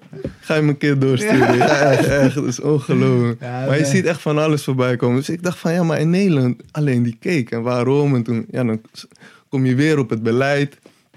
En, En in Nederland altijd op het beleid. Oh, het is je echt, je kan er niet omheen eigenlijk. En ik, ik denk dat ook het enigste nogmaals waar het op komt, is dat ze het, het beleid zullen moeten aanpassen. Ja. Aan de hand van hoe de cultuur en de mensheid zich hier ook heeft ontwikkeld. Uiteindelijk, als zij zo vasthouden aan wat ze nu hebben. Ik bedoel, als zelfs Amerika, Duitsland straks. Ik bedoel, maar ja, om daar nog niet op te gaan. Ah, om Dat daar het- even... Het hangt allemaal samen. Nou, het is wel, ja. Laten we het- even terug wil gaan, want jij zei toen over als jij als jonge kiddo krijg je weinig informatie, ook vanuit de coffeeshops. Als je überhaupt daar al binnenkomt natuurlijk. Maar stel je voor je bent 18 en je koopt wiet. Ja, eerlijk waar, eh, een gemiddelde bar, buttender, ja, die weet gewoon bijna niks over dat product. Behalve dat het die soort schijnt te zijn. Ja, ook nog. En eh, oh, het is high of stoned. En Ja. meer weten ze niet. Maar en, en, en, ik denk dat dat ook belangrijk is, want dat is ook iets waar wij nu aandacht aan besteden namens Qualinoid. We willen juist dat stukje educatie oppakken voor bijvoorbeeld eh, de bartenders. En dat is, we zien ook andere personen in de industrie dat doen. En dat is iets wat samenkomt. Ja. En waar we gezamenlijk eh, het beste aanvulling op kunnen geven. Want dat moet ik wel zeggen, eh, tot op grote hoogte ben ik met jou eens dat er eh, kennisachterstand is, om het positief te zeggen. Maar het is ook zo dat zeker de coffeeshopbonden zijn wel ook actief bezig met te bevorderen dat personeel op cursus gaat. Nee, maar en er zijn er wel een paar cursussen dat je in ieder geval je basiskennis over die plant en over producten die je ervan kan maken en de effecten, die, die is er dan wel bij buttenders. Maar Ja, oké, maar kijk, het die, ruimte voor Beperkt. verbetering. Ja, het is Nee, maar het veel is ruimte natuurlijk met alle, met alle goedheid van die buttenders en dat ze inderdaad die cursus hebben gehad, die heb ik ook gehad. Maar het is meer gewoon, kijk, als je vaak, als je al niet weet soms wat het product echt is, toch? Ja, Ja. maar Ah, ah, real problem. mag ik iets vragen? Hoe, hoe, hoe- je zegt je hebt een cursus gevolgd, zoals dat? ja, ja, Hoe- ik heb hoe- ook die eh, cursus. Mag je eh, daar iets over zeggen waar dat was en hoe je, jouw ervaring was? als- Nou, het, is, het als wordt georganiseerd, ja, nou, het wordt georganiseerd door Dimitri Oké, ik ken eh het. Breeuwer. Breeuwer, Eh, nou, SVCK is dat toch? Ja, het, ja. ja. Ja, het is, Vakbekwaamheid, cannabisketen. ik moet wel zeggen, ik was ook een ik. Klein beetje stoned toen ik hem deed. Dus ik was, dus ik heb, het is, en het is ook al drie jaar geleden. overkomen. Het is al drie jaar geleden, maar en het was ook hartstikke gezellig. Dat, want het was gewoon een het, personeelsuitje. het was wel ook educatief Nou voor ja, jou als was- buttender om... Vond je dat toen je wegging dat je echt meer had geleerd om jouw klanten beter te kunnen helpen Eerlijk wanneer ze vragen hadden? Nou ja, er zat ook een stukje, daar moet ik wel zeggen, kijk, eh, de kennis, eh nou, dat kwam van eh, onze potvader af. Bernard. Ja, die, was, Ja, ja, die gaf een presentatie. Nou, dat is sowieso leuk om die man even te wrong. zien. En hij heeft een interessant verhaal, weet je. En nog steeds, hij is een, eh, ik wil hem ook zeker een keer voor de podcast. Dus dat was interessant. Daarnaast was er een stukje veiligheidstraining. Voor hoe je moet reageren op een klant als je agressief wordt of al die dingen. Dat was redelijk leervol. Alleen voor de rest...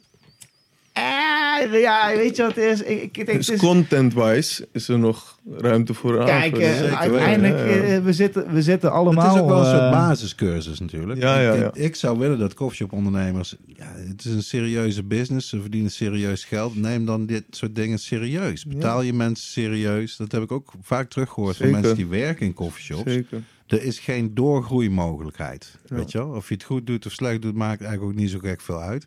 En cursussen die zijn er dan ja, wat verplicht is. Maar dat kan veel beter. En het aanbod begint volgens mij in ieder geval wel te komen. Dus zeg maar, weet je wel, een, Ja, een kijk, tweede cursus. Je, Ja, ja. ze kunnen met alle goede dieper bedoelingen. gaat. Ik vind gewoon met alle goede bedoelingen die ze allemaal kunnen doen. Het, het begint pas als ze weten welk zaadje wat is en waar het allemaal Ja. vandaan komt. En dat ze ook kunnen zeggen: Nou, deze is op eh, deze kokos gekweekt en eh, deze is hydro. En, eh, Nou, op- nou, waarom tot niet? op dat niveau is volgens mij ook Als, niet als, nodig. als, jij, als jij vlees koopt, dan weet je ook bijna op welk gras die heeft gelopen. Dus waarom doen we daar niet zo? Waarom doen we daar moeilijk ja, over? het kan wel. Ja, het moet gewoon Maar kunnen, toch? Het, het is niet nodig, laat ik het zo zeggen. Er zit nog een heleboel voordat je zover bent, wa- wa- wat verbeterd kan worden. Maar eh, we, we, we, we dwalen af van het eh, onderwerp. Hoe zou je nou komen? Ja, Dat is wel iets geks, hè? Eh, Maar jij zou die rode Wat nou, lijn eh, keihard vasthouden, herinner ah ik ja, me. Cannabis Cups, de Elite Oh oh, ja, ja, ja. Ah, oh, scherp, scherp. ja, dat was echt ongeluk ook. Nee. Hoe kom je dat? Ja, ja dat was Edibles. een- Ja, die edibles Ja, ja. was edible. Het is, is niet dat je zegt, ik heb een heel bijzonder wietje. Of ik heb Ik een had- concentraatje wel- gemaakt van iets. Nee, Nou, ik, ik zal, edible. Ja, nou, ik zal Waarom? eerlijk zeggen. ehm, het, het, het was namelijk zo. Ik, ik zelf, eh, ik dacht, ja, ik als, als jonge eh gozer nog. eh, wie, wie ben ik? Wat, wat kom ik nou mee tussen de legends? Ik dacht, ja, daar maak ik geen kans. Maar die edibles, dat, was dus, dat zag ik niet zoveel. Dus ik dacht, daar maak ik wel kans. Wow, zeg ja. maar. Zo stapte was ik er slim. eigenlijk in, Dat zeg maar. Ja, ja. Echt heel slim. En ehm, ja, we gingen gewoon experimenteren met edibles. En, en, Wat en- heb je gemaakt eigenlijk? Eh, op, op die versie hadden we volgens mij een, eh een cinnabon, een infused cinnabon gedaan. Dat was de eerste Lekker. win. Die hadden we echt in de ochtend eh, voor de levering, hadden we die echt vers eh, afgebakken. Wow. En dan s ochtends vroeg afgeleverd bij onze grote vriend die, Dave. ja, ja. Ja, om daar niet verder over te gaan. Hij, heeft- Maar, hij eh, heeft alles opgegeten. Ik zeg, Ah, dat, ik, ik, nee, maar ik, ik, ik weet het niet als hij alles heeft opgegeven. Maar met die, met was die, met die, eh, met die had ik eh, dus een tweede plaats eh, gehad toen. En die was, eh, ja, naar mijn mening, ik heb hem zeker zelf ook vaak nog eh, voor mezelf weer gemaakt natuurlijk. Maar ja, het is moeilijk om een, om een Cinnabon aan te bieden of eh, ja, verder aan te bieden in een, in een Ja, coffeeshop, tuurlijk. zeg, Ja, maar, zeg maar, qua houdbaarheid. houdbaar Ja, ja. Die wil je toch lekker warm of... Ja, gewoon, Ja, gewoon dagelijks een paar verse. Juist in Ja. Amsterdam is dat natuurlijk wel mogelijk. Hè? Met zoveel shops, daar kan je denk ik wel van leven. Als je dat heel goed doet, dat je, je hoeft er maar een stuk of dertig te servicen elke dag. Ja. Maar dat is allemaal officieel volgens mij verboden ook nog. Afhankelijk van Ja. hoe je het precies maakt. En welke wel. stad, eh, welke regio, Ja, ja. welke gemeente, sorry. Ja, dat... Het is eh, nu... Elke keer komen we weer op dat beleid. Dat maar beleid, ja, We maar het er niet over hebben, Ja. toch hoor? Nou, maar, maar ik denk dat het wel belangrijk is om te zien. Want je merkt dus bijvoorbeeld met wat edibles betreft... nu in Amsterdam ten opzichte van een Haarlem... ten opzichte Ja. van in Den Haag... is een heel verschillend aanbod. Er wordt ook heel anders gehandhaafd. En, en dat zegt ook weer iets. Dus ehm, ja, hoe gaan we daarmee om? Nogmaals, als we samenkomen... kunnen we denk ik dat wel aankaarten... en, en eh, eh, verandering opeisen. Want dat heeft een stukje... dat komt weer terug op het stukje kwaliteitscontrole. Wij willen dat. ehm, wij zijn zelf ook consument.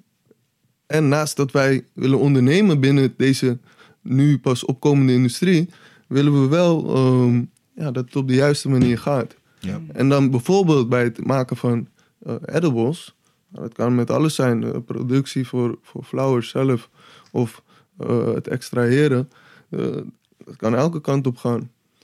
Ik denk dat dat ook eh, is wat, wat Rinus aankaarten. Het, het klopt niet als je wereldwijd kijkt wat er gebeurt. Dit is geen rocket science. Dit is een industrie. Het werd eerst de, de, de, de Green Rush genoemd. Toen de Gold Rush. Ja, misschien ooit wel de, de Golden Green Rush. Hè? En dan, eh, maar, Rush.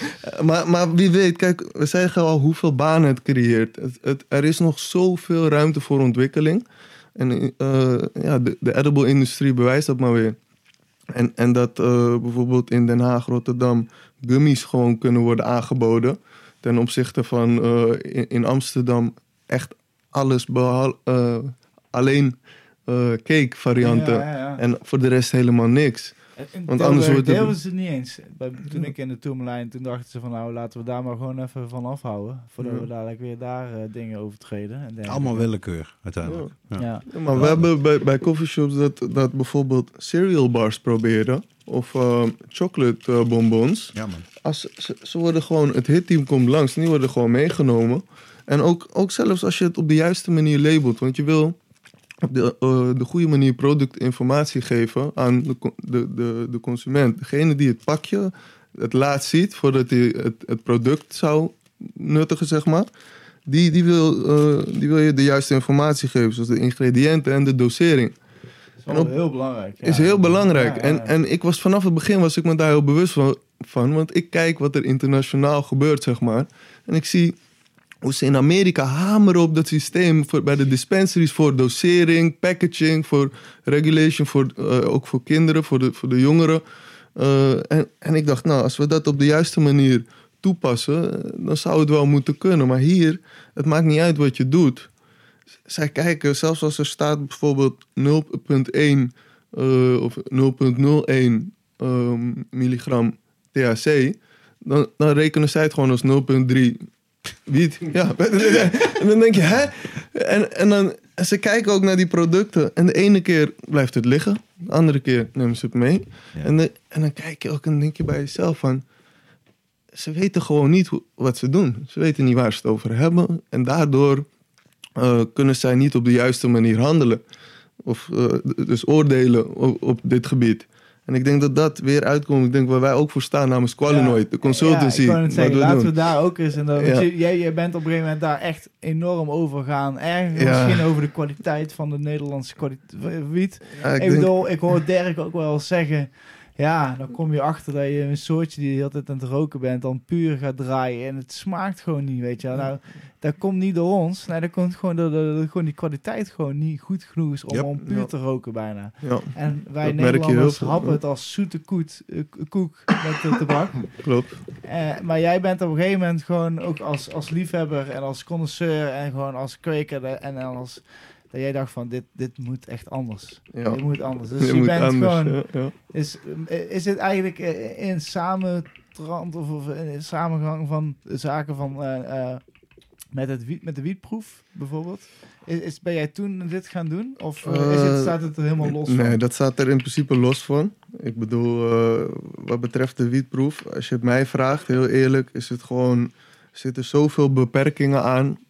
Het maakt het bijna niet meer, weet je, je kan niet meer echt op de juiste manier eh, ondernemen en ook niet op de juiste manier toevoeging geven aan deze industrie.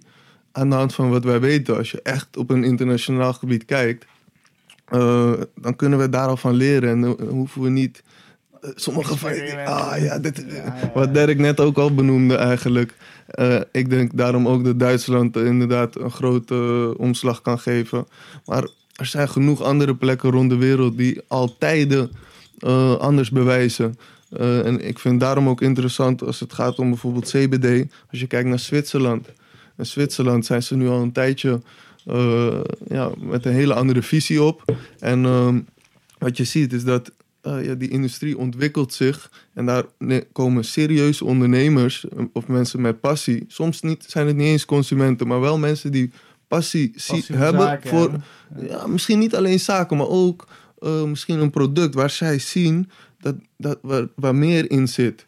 Dus er is nog zo, ook naar mij, er is nog zoveel meer ehm, dat we zullen gaan leren over cannabis en deze industrie. We zijn pas Ja, we misschien zijn pas in op Europa aan het begin. we zijn misschien pas op 5% van waar we ooit Ja. naartoe gaan als je het mij vraagt. Dus ik En het, als je eh, kijkt nou ook binnen Europa, dat Hmm. begint het ook eindelijk massa te krijgen. Dat Nu en in Duitsland en in Zwitserland Ja. en in Italië met het Italië. referendum. ja. Waar eh, heel interessant, dat hebben we niet in de nieuwsrubriek meegenomen, maar dat referendum ziet er uit, ondanks echt tegenstand en een poging om het af te schieten door rechtse partijen in Italië, gaat het toch hoogstwaarschijnlijk door. ja.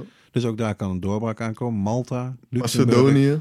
Ja, dus het, voor een deel zijn het wel de kleintjes, maar ja, Duitsland kan je niet een kleintje noemen. Nee, Duitsland. eh, En, Ja. eh, dus dat, ja, dat, is- ik vind het wel hoopvol in ieder geval. En dan staan we inderdaad aan het begin. Ja, want dus toen ben jij... eh, want ja, nou, ik wil eigenlijk een beetje... zo- Ik zocht een mooi ezelsbruggetje om eh, richting Alex te gaan. oké, ja. Want dit is denk ik een mooi ongeveer een tijdlimiet of tijdsplek dat je hem bent tegengekomen. Misschien, of hoe zijn jullie Nee, elkaar... daar- eh, daarvoor al denk ik. Denk, even kijken, moet ik het goed zeggen? Op het moment dat ik met, dat ik met edibles eh, bezig was in de stad, eh, ja, was ik eh, of in, de stad, in Amsterdam. Ja, toen ontmoette ik ook veel mensen en dan kwam ik ook regelmatig bij verschillende coffeeshops.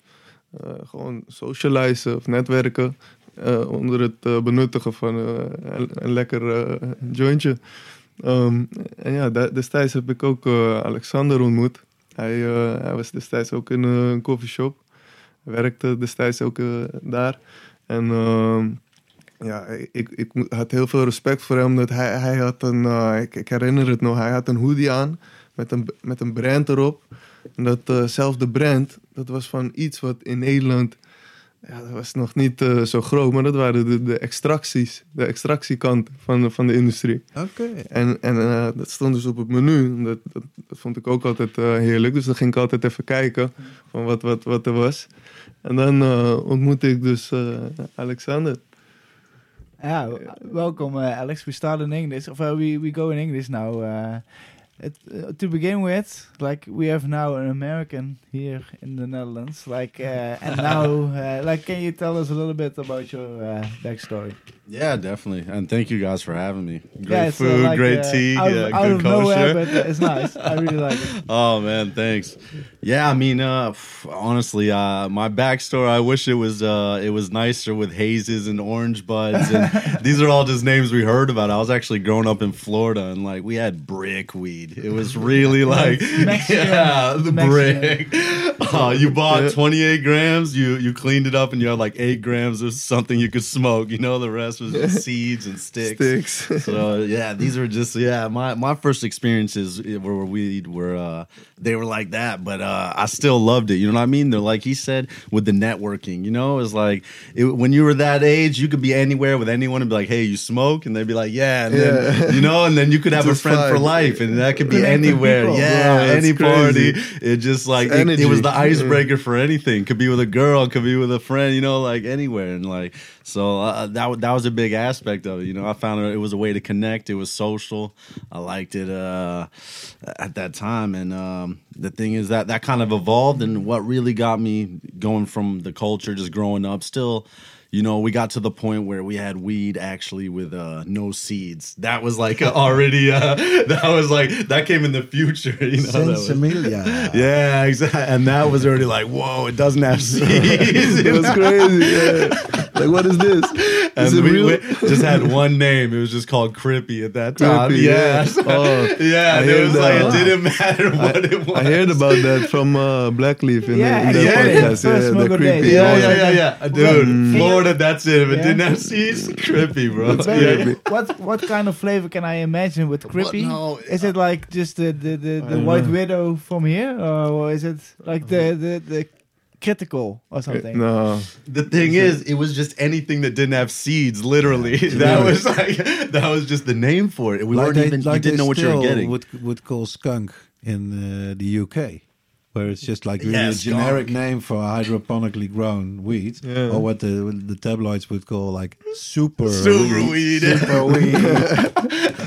And It's so funny because here skunk, it's so much. It's not like yesterday's news. It's like last century's news. Skunk, Yeah, yeah. come on, get out of here. and in, in Britain, it's still for a lot of papers, it's still the big scare thing. It's Yeah, yeah, the- the super skunk. weed. Ah, it's wild. I, you know, I did uh, notice that. Yeah, coming over here, it's like uh, some things feel back in time. You know, in a way, it's like with the industry. Yeah, I was surprised uh, to come to Amsterdam. is a place that even when I was growing up smoking that brick weed, and I was super young, Amsterdam was a name we knew. I don't even could have never found it on a map. but didn't know anything about the Netherlands, Dutch, anything. Just knew the name Amsterdam. Amsterdam. Every kid knew. The that was like the mecca. Yeah, yeah. It was like, oh, craziest thing you could ever do in your life is go to Amsterdam. and so, like, always growing up with that kind of in my head, you know? Did you just visit a, few, uh, a lot of times? Did No, never visited. That was the dream as a kid. I'm talking about like 13. uh, We were smoking blunts and. We knew Amsterdam. It was just that was connected with weed worldwide. The, it's Because you- crazy. All the big artists rap Amsterdam. We're in. Amsterdam. Yeah. and yeah, the- it was High Times, Amsterdam, High like that. yeah. Things like this. It was just already growing up. There was that connection. The It was culture. wild. yeah. Because So, you were in Florida for the, like, like all your youth uh, times, or you moved up to to like California, 25 years. Okay. No, and then uh, at that point, actually, like I was working in water, and that's what got me involved to like the business side of weed. Because I was actually working in a, a factory. They did reverse osmosis, and I did sales for them. And like we had one industry, and that was uh, was uh, weed from California. They were buying reverse osmosis units, but we couldn't call it that because it was like illegal in Florida. You couldn't uh, consult on that or speak about it. We had to call it tomatoes. But they'd always call, yeah, they'd always call over like, "Hey, my tomatoes are doing great," you know, like that new filter. like, uh, I'm gonna send you some tomatoes. I'm like, don't send me tomatoes. That's comedy. Uh, but yeah, it was because most of it was like saltwater fish tanks and like some hospital stuff. We had this small section that was like the hydroponics for that, and I started growing that portion of the business for them because they weren't even really attacking it like that. They were focused on the uh, saltwater aquariums, which was much a much different crowd, you know.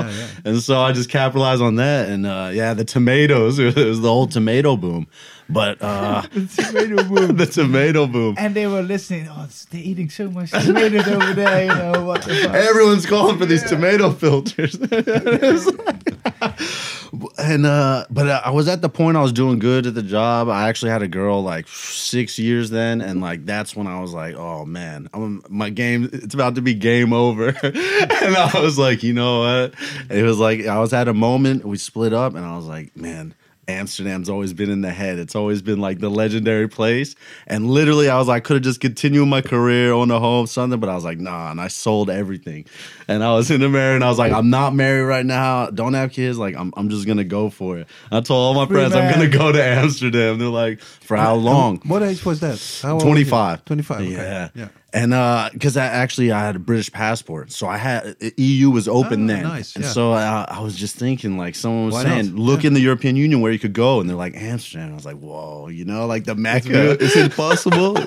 Why and, not? uh, Yeah. and I, but I knew in my head I was gonna go for a long time, and uh, yeah, you know, uh, I spoke with people, and I was like, uh, I'm really gonna go, and they're like, how long? And I'm like, a while. And I, my plan was I'm gonna go here, find work, and I'm just gonna I'm gonna go for it. You took a one way. I've seen the little, tur- yeah, I, seen the little uh, I've seen the little touch of uh, the industry, and I want to go like to the mecca and get the ultimate knowledge. I guess it was like the journey. You know, I, th- I thought that was how I was gonna, you know, move ahead. And so, uh, really, this whole time. California's booming and everything, but I really feel like the knowledge and a lot of this stuff came from Europe. And I also have a, you know, I want to travel, I want to see things. I see combination, you know.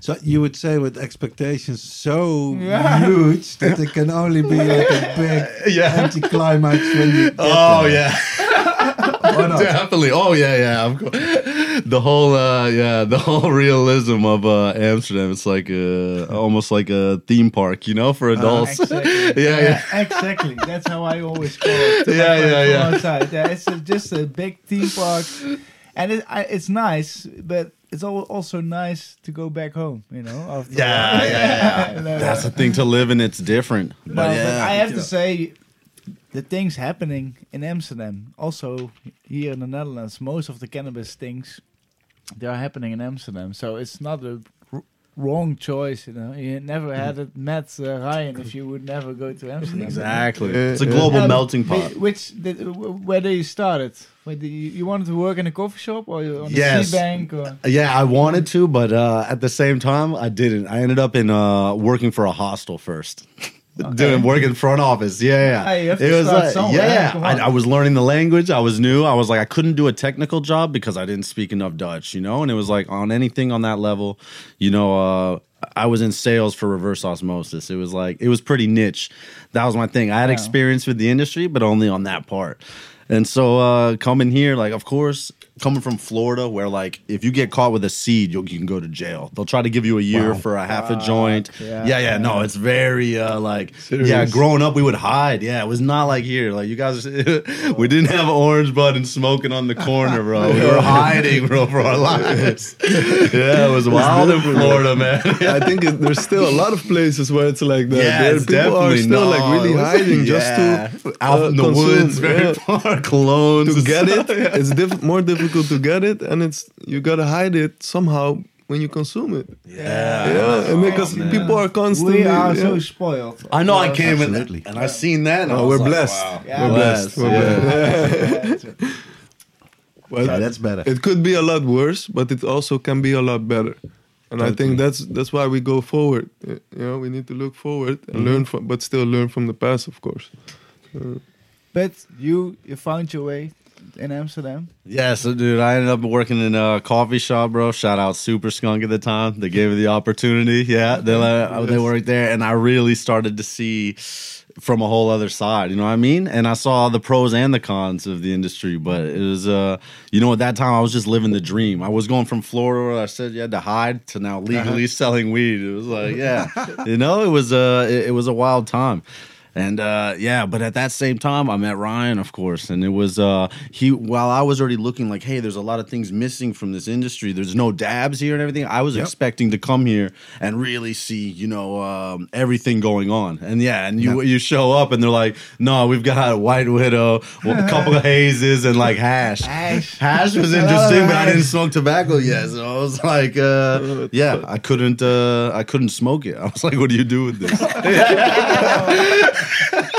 Comedy, bro. They showed me this, and I was like, "Oh, this is one of these tricks," you know. So uh, yeah, um, I, it was it was a letdown, dude. But Ryan was one of the people that I saw was actually bringing a lot of products I was expecting to see, and so I was he was already really focused on quality. He was he was showing me, uh, you know, with the edibles, which uh, he just unfortunate. uh, I've seen you can't break that market. it's like those little brown, uh, the little brownies. Yeah, yeah, that's it, dude. Yeah. The system fucks you up. Yeah, they don't like it. But then you guys started Qualinoid. No, no, no, no. That would come. Oh, Wow. yeah, yeah, yeah. It's For uh, Qualinoid, it was uh, actually now um, as um, Alexander is uh, in California. Um, and uh, yeah, I think with all our experience, the knowledge we, we have, together with the network we built over the years, uh, yeah, we, we noticed that we can help other people or other uh, entrepreneurs in the industry uh, with advice from our experience or from our point of view uh, and whether uh, we're not telling people how to how to do it, of course, but we can help with insights uh, from the industry. of course, we together we've uh, spent many years, I think decades now. Of myself, 13 years. I was counting lately in the cannabis industry.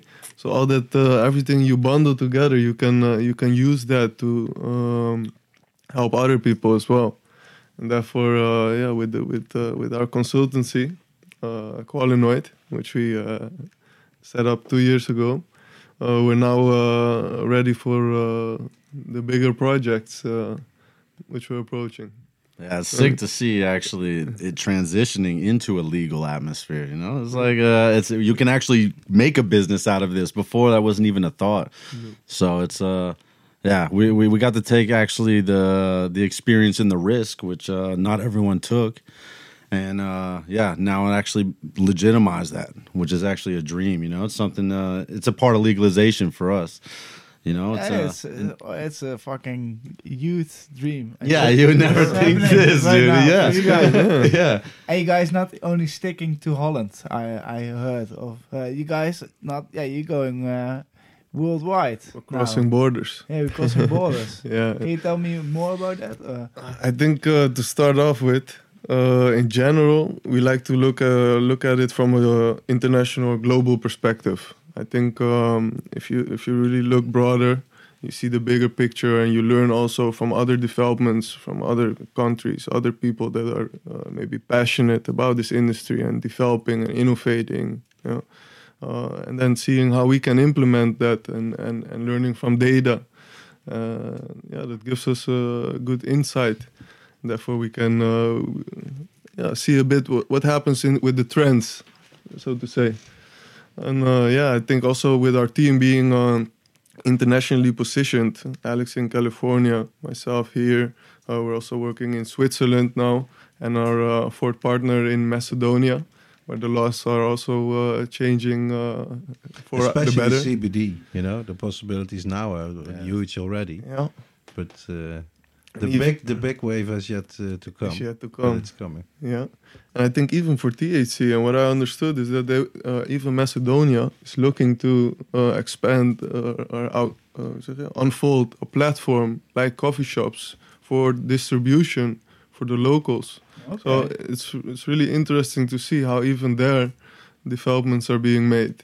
So uh, yeah, From all sides. all sides. It's only good we news. have to go to Macedonia. That, that's I one mean, thing. That's That's one another thing- country you would expect to go to. Uh, for me, It was I- amazing. I We mean, we- went, I wouldn't uh, think that either in the beginning, but uh, when when uh, our fourth partner told us about it and all the stories, it was almost too good to be true. yeah. but but but you know, then you know, we gotta consider it doesn't cost that much. The, the you know, it's not that far away, so It's it's We- next we- to Italy or something, eh? uh, Right? just above uh, Greece. Just Yeah. above Yeah, Greece, okay. just uh, I think it's still the Balkan area, but yeah, just above uh, Greece. Good weather, so uh, we, yeah, we, we might as well try it, especially when you hear them talk about their food and and their yeah. I mean, that's the stories are crazy. So we were like, okay, let's see. And when we went there, I must say it wasn't wasn't there were no lies. The food was amazing. And uh, the people were really uh, happy to have us there. We have a really good contact and our partner, uh, which is also uh, now working on uh, developing a GMP facility for uh, production. Uh, so these developments, just GMP. yeah, Can you explain me about that, or do we have to continue? no, we, we- Yeah. whatever. Yeah, what is GMP? uh, good manufacturing processes. So uh, yeah, it, it says something about uh, it's like a s- certification, Yeah, it's So to like say, industry of a- standard. a standard, that you yeah. to uh, adhere to. That like nothing To goes produce- the second time, or that nothing, uh, everything goes in one way. in One one, way, flow, yeah, yeah, one that's- flow. There's that's no one part of it. diseases never can to go avoid back. contamination, Yeah, etc. yeah. Yeah, yeah. And this is like for a higher grade. Of course, a lot of these products are being produced in these facilities go to pharmaceutical uh, um, platform, to the pharmaceutical platform. Um, but yeah, super interesting to see that even Macedonia, what like we said before, Switzerland, we see it all over in the states, Canada. I mean, Colombia, I see great developments as well. Mhm. we can go on, on and on, and uh, we're looking with Qualinoid. Saba. We can Saba. add to the list. I mean, yeah, if there's people from Saba, uh, check out qualinoid.com.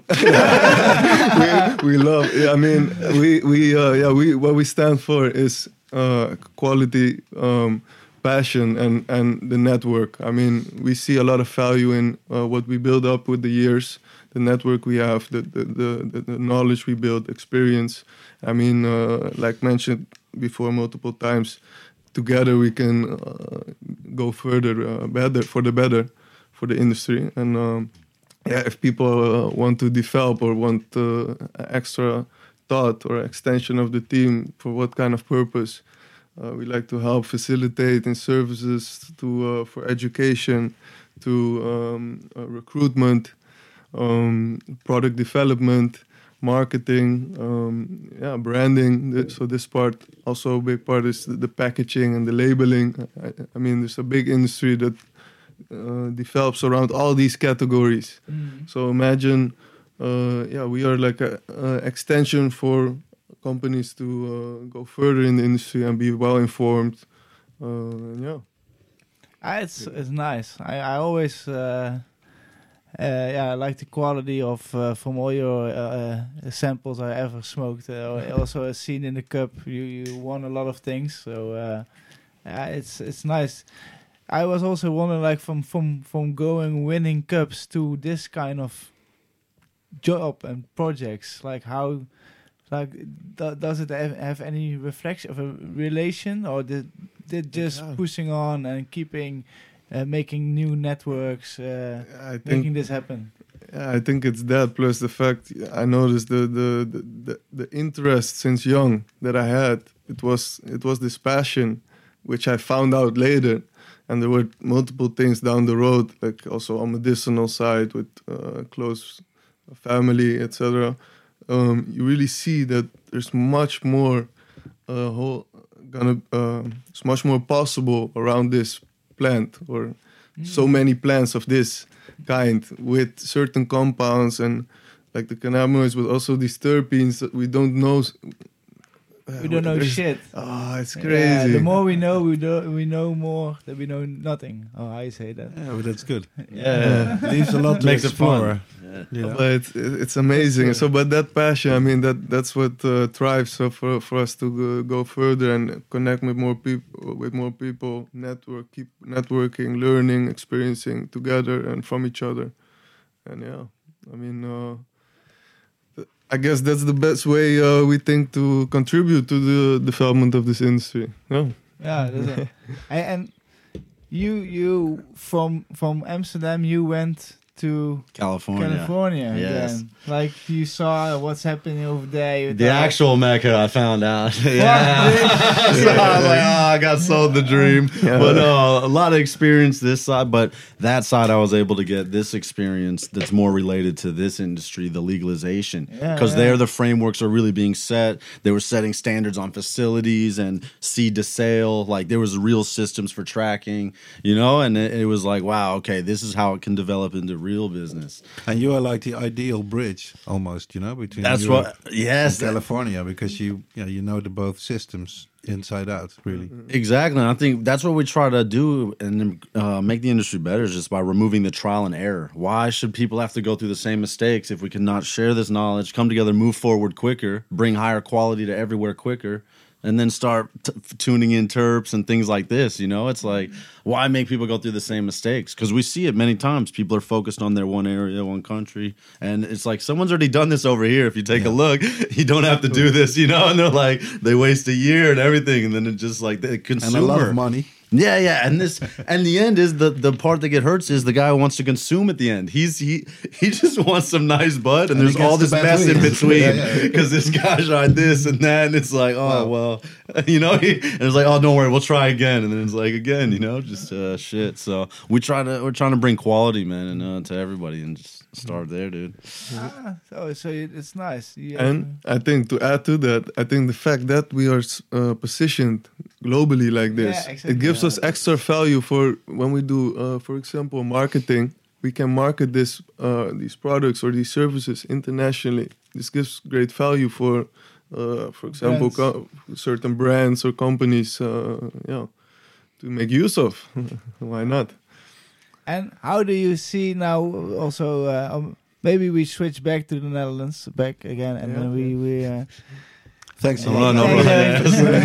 Thanks. I, I didn't even know. Ik, ik, merkte het niet eens. Ja. Nee, eh, ik, ik ben echt, eh, mijn Engels is zo kloot als ik goed stoom ben. Dus eh, dan, ik wil het toch li- vriendelijk houden voor de luisteraars. En, Dat is het. Nee, maar hoe zie jij nou gewoon ook bijvoorbeeld inderdaad de, toekomst voor jezelf? Nu je ook inderdaad dit, dit adviesbureau hebt en dergelijke. Houdt het daarmee op? Of wil je nou eigenlijk ook mee naar Californië? Ja, hou je het hier nog vol, zeg maar. Ja, Ja, eigenlijk. we, eh, zijn, eh, we zijn meerdere malen naar Californië gegaan al, eh, om daar natuurlijk weer meer te leren, te zien, et cetera. Eh, maar ehm, ja, ik denk gewoon, uiteindelijk, hier zit het hem nu. En ik ben hier, voel ik me dan meer lokaal, zou ik zeggen. Ik ben hier opgegroeid.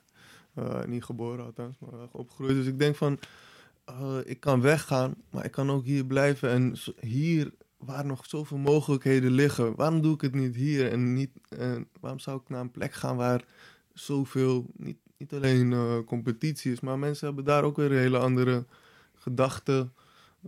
Ja, ik, ik, zo zelfverzekerd ben ik ook weer niet, laat me het zo zeggen. Dus ik dacht, ik doe het gewoon hier op eigen gro- ja, grond. het is ook mooi dat we die experts ook een beetje in ons Ja, land ja. kunnen houden. nog. Ze gaan Ja, allemaal naar Spanje. Spanje, Ze gaan allemaal naar Amerika. Nee, maar dat, dat vind ik eh, ook zo jammer. En daarom dacht ik ook van, weet je, we kunnen, ik wil juist blijven en proberen met zoveel mogelijk mensen. Samen moeten we het gewoon doen. Ik, kan het ook niet alleen. Had je voorbeelden toen je begon? Toen je begon met? Had je eigen... eh, had je al bepaalde kwekers of bepaalde mensen in de industrie die je dacht van... Wauw, die, zijn, die gasten zijn wel lekker bezig. Oh, ik bedoel, eh, aan het begin toen ik op social media kwam, toen was eh Asje sowieso. Asje. Ja, ook, eh, Asje. Mooi Daarna, vent. Echt een eh, mooie man. yes, Am- with Amsterdam Weed. Shout out naar Lee. door- he, he showed me eh, stuff. eh, of hij, hij liet me dingen zien Ja. aan het begin. ik ga zo maar winnen. Ja, dat is ook wel gewoon met- mooi met Engelse man. Die Amerikaan. Ja, maar ik heb het soms automatisch, sorry. ik blijf in nelen. Maar, Hey, ik nee. stel voor dat we nog even kort een rondje eh, kweektips doen. Want dat blijkt elke keer ook weer uit feedback. Dat eh, onze luisteraars die hebben, vinden het altijd mooi om van mensen die inderdaad veel verstand hebben van, eh, van zaken, ook als het over kweken gaat. Gewoon een paar dingen die jij ook aan beginnende kwekers, maar ook aan, aan laat ik zeggen, iets meer gevorderde kwekers kan geven. Wat jij geleerd hebt over die plant en over die, hoe je die optimaal kan kweken. Oh, ja, wat ik, waar ik zou beginnen sowieso. Eerste punt is het, eh, de basis is genetica of eh, ja, de cultivar. Wat heb je? en eh, daarnaast moet je kijken naar ja, ja, je parameters, toch? Hoe ze het zeggen. Wat heb je? Waar ben je? Wat voor omgeving? Et cetera. En ik denk daarin de key is eh, meten is weten. Dus Ja. zeggen, dus zoveel mogelijk eh, ja, je environment in kaart brengen. Eh, kijken naar de cultivar. En dat is uiteindelijk ook op het begin. Is dat een beetje trial and error. Dan moet je op het begin wel... Natuurlijk, op het begin weet je niet hoe, hoe het gaat werken... ten- totdat je er echt mee verder kan. Ehm, maar ja, ik denk dat dat een, een belangrijke basis is. En daarnaast... ehm, wat zou ik zeggen? Ik, ik, ben, ik ben zelf een voorstander, of ik hou zelf van eh, redelijk schoon werken. Dus ik, eh, ik, ik ben... eh, ik heb veel onderzoek gedaan naar hydrosystemen en eh, ook daarnaast eh deep water cultures. En dat vind ik zeer interessant, eh, ook in een nursery, om eh, bijvoorbeeld eh, voor clones te kunnen werken.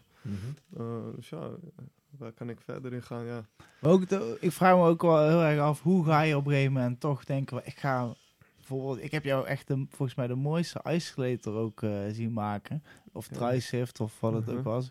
Hoe ben je die, dacht je van, gewoon Ja. doen? Ben je, ben je Nee. gewoon, is het gewoon vallen, opstaan Ja, en gewoon... Dat is waar ik eerder eh, was opgehouden. Nou ja, ik ben gewoon veel gaan zoeken online en zelf proberen. Ja, dus met, ook met kennissen die ik heb eh, leren kennen over de jaren, die ook zo'n plekje hadden. En dan ging ik hun toen al met een soort advies helpen van, hey, ik heb dit gezien, Eh, ik heb- je moet dit proberen. En dan, ik, bedoel, en zij, zij wisten van, ah, ik heb er echt liefde voor. Ik, ben, ik hield van goed roken. Dus ze zagen, oké, ze gaan het wel proberen. En als het dan goed ging, dan was het van... eh, En dan, zo werd het, zeg Nice. maar, zo ging dat toen al. Dus eh, onbewust was ik jaren geleden al een beetje met dat advies bezig. Ja, maar precies. Was ook consultancy. een soort Ja. van, ja, ja, ja. Maar ik denk gewoon, die, die kennis die ik heb, die wil ik ook graag andere mensen mee helpen. Het zit ook een beetje in mijn familie, zit veel in, de, in het onderwijs en eh, dat soort dingen. En, eh, ja, dat, ik denk dat dat ook wel in mij zit, dat ik het graag eh, deel.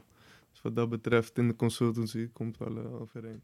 Maar, ehm waar hadden we het nou over?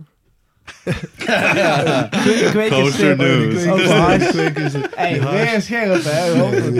Ja. Die kwekerstip, hash. Indrukwekkend, eh, Rens. Ik zeg wel, ja, ik denk van, van kwekerstip tot consument. Als je echt eh, liefhebber bent, dan, dan wil je gewoon eh, variatie hebben. Dus wil je niet vastzitten aan één ding. Dan wil je gewoon smaken kunnen eh, proberen, et cetera. Eh, dus, dus ja, het aanbod, vooral als je kijkt van flower tot verschillende mogelijkheden van concentraten of consumeren als edible tot vapes, et cetera. Eh, ja, kijk echt wat voor jou prettig is als luisteraar, bedoel ik nu dus. Hè? Dus Ja. wat, wat vind jij, eh, wat voor een ander lekker is, is voor jou niet per se eh, goed. Eh, ja, ga vooral op die, die eh, expeditie of die, die, die Elk route. mens zijn eigen wens. Ja, dat is juist het mooie, toch? echt. Ja. Ja, Van ja. Wiet, ja. Dat is ook, ja, zeker weten. En daarom hebben er zoveel mensen ook gewoon allerlei lagen van de... Iedereen... Ik, dat vind ik ook mooi van een koffieshop. Dat heeft mij echt getrokken. Dat ik gewoon langs een, iemand zat die eh, bijvoorbeeld uit Turkije kwam. En dan kon je gewoon heerlijke verhalen mee. Oh. Die, joh, dat is ook kei mooi om, zulke, om, zulke, om elkaar zo te leren kennen. En ook als ik toen bij de Tourmalijn eh werkte.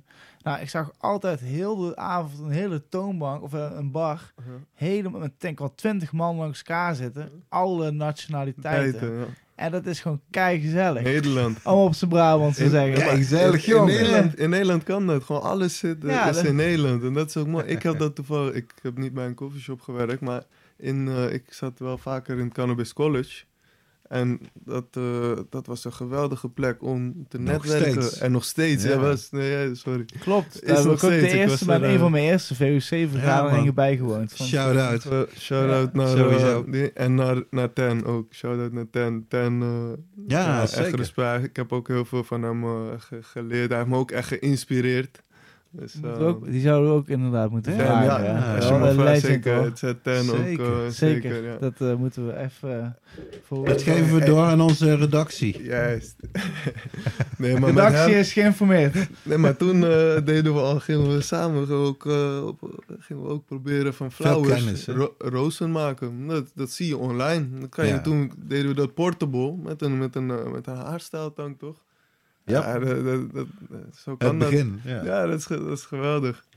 Zo'n plek om eh, samen te komen te, en dan zulke soort dingen te gaan doen. En Iedereen die een beetje interesse had, ging erheen. Ja, dat is een magneet. Een heleboel Ja. mensen, ik denk dat mensen in heel Nederland zouden zo'n plek erg waarderen om samen te komen. Een, een, eh, Echt, dat sociale, culturele aspect.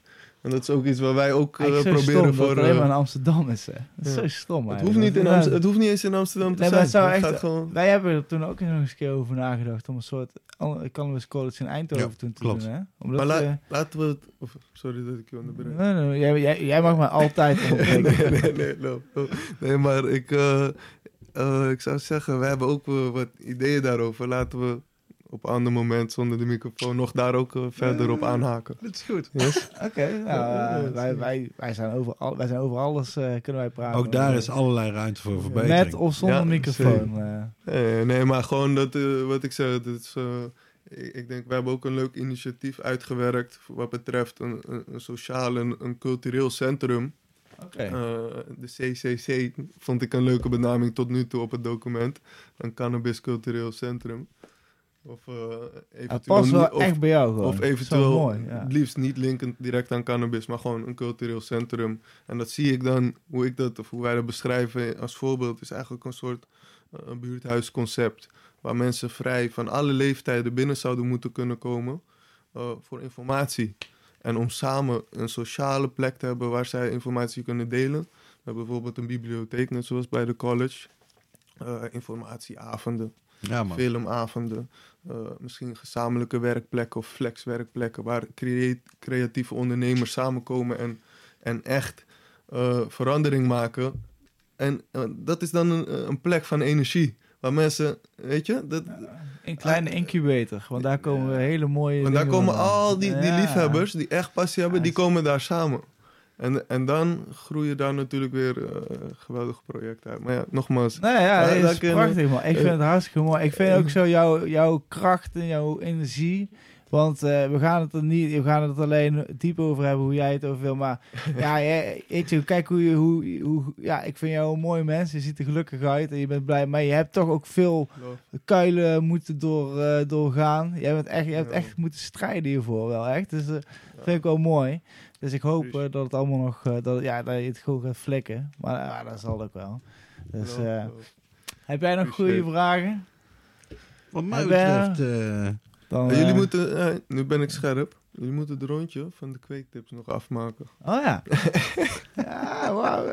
Wauw. En concentraten, hoe ben je daar dan inderdaad? Is ben je inderdaad met de wak? Bij Nee, de Columbus College Nee, ook de kijk, eerste ik, keer dat laat je... me het zo zeggen, ik, ik begon met, eh, ik was consument. Ik ging naar coffeeshops. De, de, de, na een tijdje denk ik van, hé, hey, er is meer.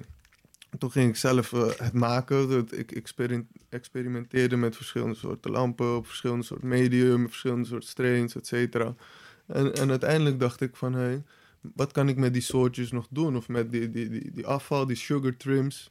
Dat wil ik niet zomaar weggooien. Dat, eh, dat, dat, dat ging ik zoeken. Wat kan je daarmee doen? En dan kom je op isolator of BHO, toch? Butaan eh geëxtraheerd. Destijds had je toen van die, die honey collectors. plastieken tot glazen pijpen, hoe je kon open blasten, zoals dat wordt genoemd.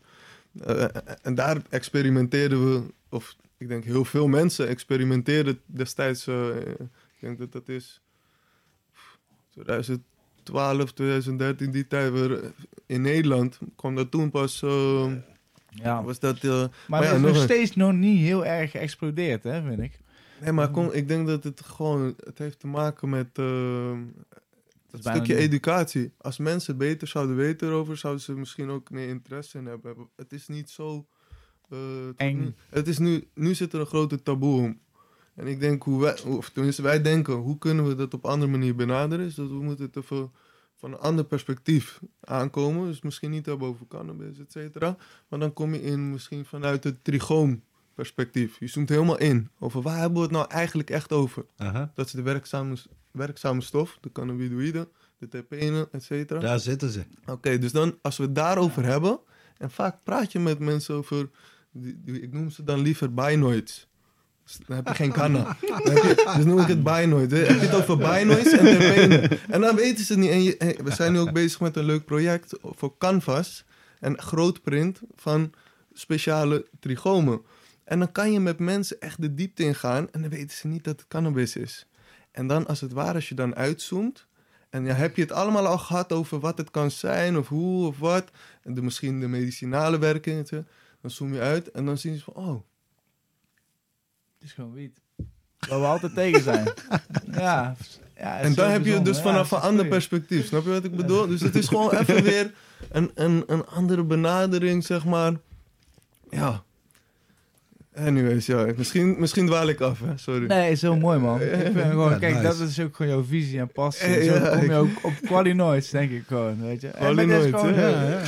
Jongen, we zijn allemaal zo, allemaal, iedereen is zo behext. Iedereen is best wel goed gebrainstormd, eh, of, eh, of, gebrain, of eh, gebrainwashed. Brainwashed, ja. Allemaal over eh, anti-cannabis. Dus het is, het is wel echt een taboe. Maar ik merk wel, op het moment dat het gewoon daar legaal is, dan is opeens schuiven daar al die bedrijven in, omdat het opeens legaal is. En dan zijn ze al die normen en waarden opeens helemaal anders. Ja, Ja, maar- ook die CBD is daar een soort eh, glijmiddel voor in zekere zin, toch? Een beetje verbinding van het een naar het andere tijdperk. Ja, dat, zou, dat zou ook... Mensen eh, hebben, kunnen het nou al van de krui- kruidvat kunnen ze het kopen, weet je wel? Ja, ze zijn er iets meer bekend mee, inderdaad. En Ja. ik hoor het ook steeds. dat Ik krijg vragen van mensen over... Oh, ik heb het gehoord over eh, medicinale cannabis. Sommige mensen die gaan zelfs naar een huisarts. Die weet ook niet Nee. hoe ze het moeten adviseren... of staan er niet echt achter... omdat ze niet ju- op de juiste manier zijn geeducate.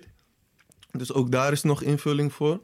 Ehm, maar eh, dat, dat stukje business alleen, of die grote companies die ineens zullen instappen als het legaal wordt, dat gaat hem niet direct worden. Want zij missen dat stukje wat wij hebben: de cultuur, de, de echtheid, de kennis, de ervaring die we hebben opgedaan. Wij allemaal van de. Iedereen die op de podcast komt, is daar een onderdeel van. Absoluut. En dat is uiteindelijk denk ik het sterkste punt. Ja. Nogmaals, samen. Die community en die... die Ja, dat is wel mooi. Uh, ik vind, dit, dit is wel ook een dingetje. Ik, ik zou hier ook heel graag willen zien hoe dit nou over tien jaar, hoe we erbij zitten, weet je wel. We gaan hem meemaken. Nee, maar ik vind het wel echt zo'n dingetje, weet je wel. We zijn op zo'n slagmoment, heb ik echt het Ja. gevoel. Ja, maar de tien, golf tien jaar is echt heel ver weg. Ik denk dat we het veel eerder moeten kijken. Wat is het over één jaar? Want dingen veranderen zo snel. Klopt. Als je nu over nadenkt, wat, hoeveel er is veranderd in de afgelopen 30 jaar? Dan denk je van, hoe, toch? Dus over tien jaar, dan weten we het. Ja, we- misschien herkennen we straks onze wereld van nu niet eens meer. Dan teleporteren we naar Californië gewoon. In onze VR-world. eh, ja, wie weet. Nee, ja, bizar. In Nee. de In metaverse. de metaverse, let's go. Nee, ik, maar in ieder geval, ik vind het mooi om jullie eens hier op de podcast te hebben na eh, twee jaar. En, eh, Fantastisch. het is wel mooi, ja, Thanks. zeker weten. Ik, ik, ik, ik denk dat we ook de luisteraars kunnen vragen om zeker nog een keer wat vragen in te stellen voor, over, over ook gewoon het feit. Graag. We krijgen wel eens vragen van hoe kom je nou in de cannabisindustrie of hoe werkt het All nou? the time, ja. Maar het is gewoon doen, hè. Het is gewoon gaaf, gas ja, ja, je geven, moet gewoon, ik denk... eh, niet je- opgeven. Ja, je gevoel volgen. Als je weet van je, je hebt ergens een passie. Eh, Zo denk ik erover. Ik praat nu vanuit mezelf. Je hebt een passie, je ziet iets, ik bedoel, je hebt die visie. Maakt niet uit als het in de cannabis is. Ook in die zin. Dan moet je er gewoon voor gaan. Ook ben je ca- cannabisconsument. En je doet het in de cannabisindustrie. Dat is toch helemaal geweldig, ja. Ja, Maar je moet wel echt, eh, probeer, probeer wel gewoon echt scherp te blijven. Dus denk er niet te makkelijk over. Dat zeg ik ook vaak. Want ik krijg ook vaak die vraag. Van, het is niet zomaar even in de cannabisindustrie stappen. Ik heb echt uren online zitten ja, met research. ja. Ik bedoel, dat ik Ik, I love this. Dit, deze energy, dit is heel veel info, kennis en, en ervaring. En dat, dat, dat is eh, veel waard, vind ik. Ah, de- ja. Ik denk dat ik ook acht jaar geleden of zo, of nee, zo acht, negen jaar geleden ben ik hier gekomen.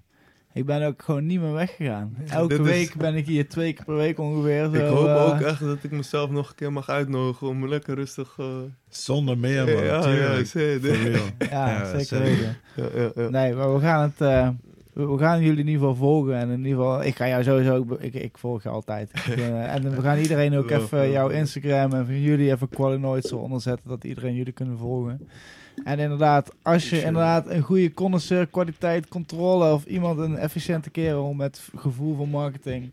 anders is je man. Boom. Qualinoids. We gaan naar eh, de oude doos. Ben je er klaar voor, eh, Dirk?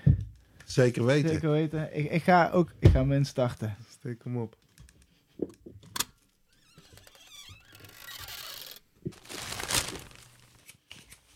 Ja, er zit de zogenaamde Prisma Pocket eh, in de oude doos in deze 51ste aflevering van de High Tea Podcast. Met een stempel van de Openbare Bibliotheek eh, Leeuwarden. Een eh, afgeschreven exemplaar. En dat boek heet simpelweg Drugs. En is geschreven door psychiater en schrijver Frank van Ree en ene P. Esseveld. Voor het eerst verschenen in 1971, mijn geboortejaar. Eh, dit exemplaar wat ik in mijn hand heb is de vijfde geheel herziene druk uit 1985. En Wikipedia meldt over eh, Frank van Rey, overleden in 2013. Hij heeft zich vaak controversieel uitgesproken over onderwerpen als rouwverwerking, zelfdoding, pedofilie, drugs en terrorisme en de bestrijding daarvan. Eh Het is echt een heel bijzonder boekje. waar ook eh, alcohol en eh, tabak, geloof ik, worden in één hoofdstuk bij elkaar genoemd. Maar een flink hoofdstuk over cannabis, daar ga ik een stuk uit voorlezen. Over de huisdealer en de koffieshop. Een woord dat destijds nog met een K werd geschreven. Dus deze uitgave is van eh, 1985. Hashish is nu ook makkelijk verkrijgbaar. Het spannende van het proberen om een stukje hash te bemachtigen is er vanaf. Zoals Cohen stelt. Nu kan zelfs de meest naïeve beginnende roker in diverse jeugdcentra een aantal soorten hashies kopen voor prijzen die nauw verband houden met de kwaliteit. In een aantal jeugdcentra verspreid over het hele land kent men tegenwoordig het huisdealerschap. Een huisdealer is iemand die met het vertrouwen en onder bescherming van een jongerencentrum het alleenrecht in dat centrum heeft op de verkoop van marihuana en hashish. Tussen haakjes, dus geen andere drugs. Het huisdealerschap werd door de overheid toegelaten omdat de realiteit was dat een deel van de jongeren toch hashish gebruikt en dat met het alleen toestaan van de verkoop van cannabisproducten het risico dat jongeren in contact komen met harddrugs en deze gaan gebruiken wordt verkleind. Hiermee is de verkoop van cannabis niet gelegaliseerd. De huisdealer blijft onder de strafbepalingen van de opiumwet vallen. Alleen wordt de verkoop door de overheid toegelaten en vindt confrontatie met de politie of het OM pas plaats wanneer de huisdealer zich als zodanig publiekelijk afficheert of op een andere wijze provocerend zijn handel bedrijft. Jongeren kunnen dus voor hun cannabis in hun vertrouwde jongerencentrum terecht. De wat oudere rokers kunnen hun hashish gemakkelijk betrekken via hun thuisdealer of kunnen terecht bij de talrijke coffeeshops die vaak door hun fantasierijke namen verraden wat er naast een kopje koffie als genotmiddel te verkrijgen is. Alleen al in Amsterdam zouden er zo'n 250 hashcoffeeshops zijn, volgens een artikel van Rudy Kragi in Vrij Nederland van 10 december 1983. Het gebruik van cannabis is niet langer aan bepaalde groeperingen voorbehouden. Een rondgang door Amsterdam levert op dat er voor elke bevolkingsgroep, elke inkomensgroep een hashcoffeeshop op passend niveau is. Kortom, het hashishgebruik is genormaliseerd en geïntegreerd in de samenleving. Aldus Cohen. Kijk, Dankjewel. oude doos. Dankjewel Erik. Laten we naar de rubriek reacties van luisteraars gaan. Wacht even.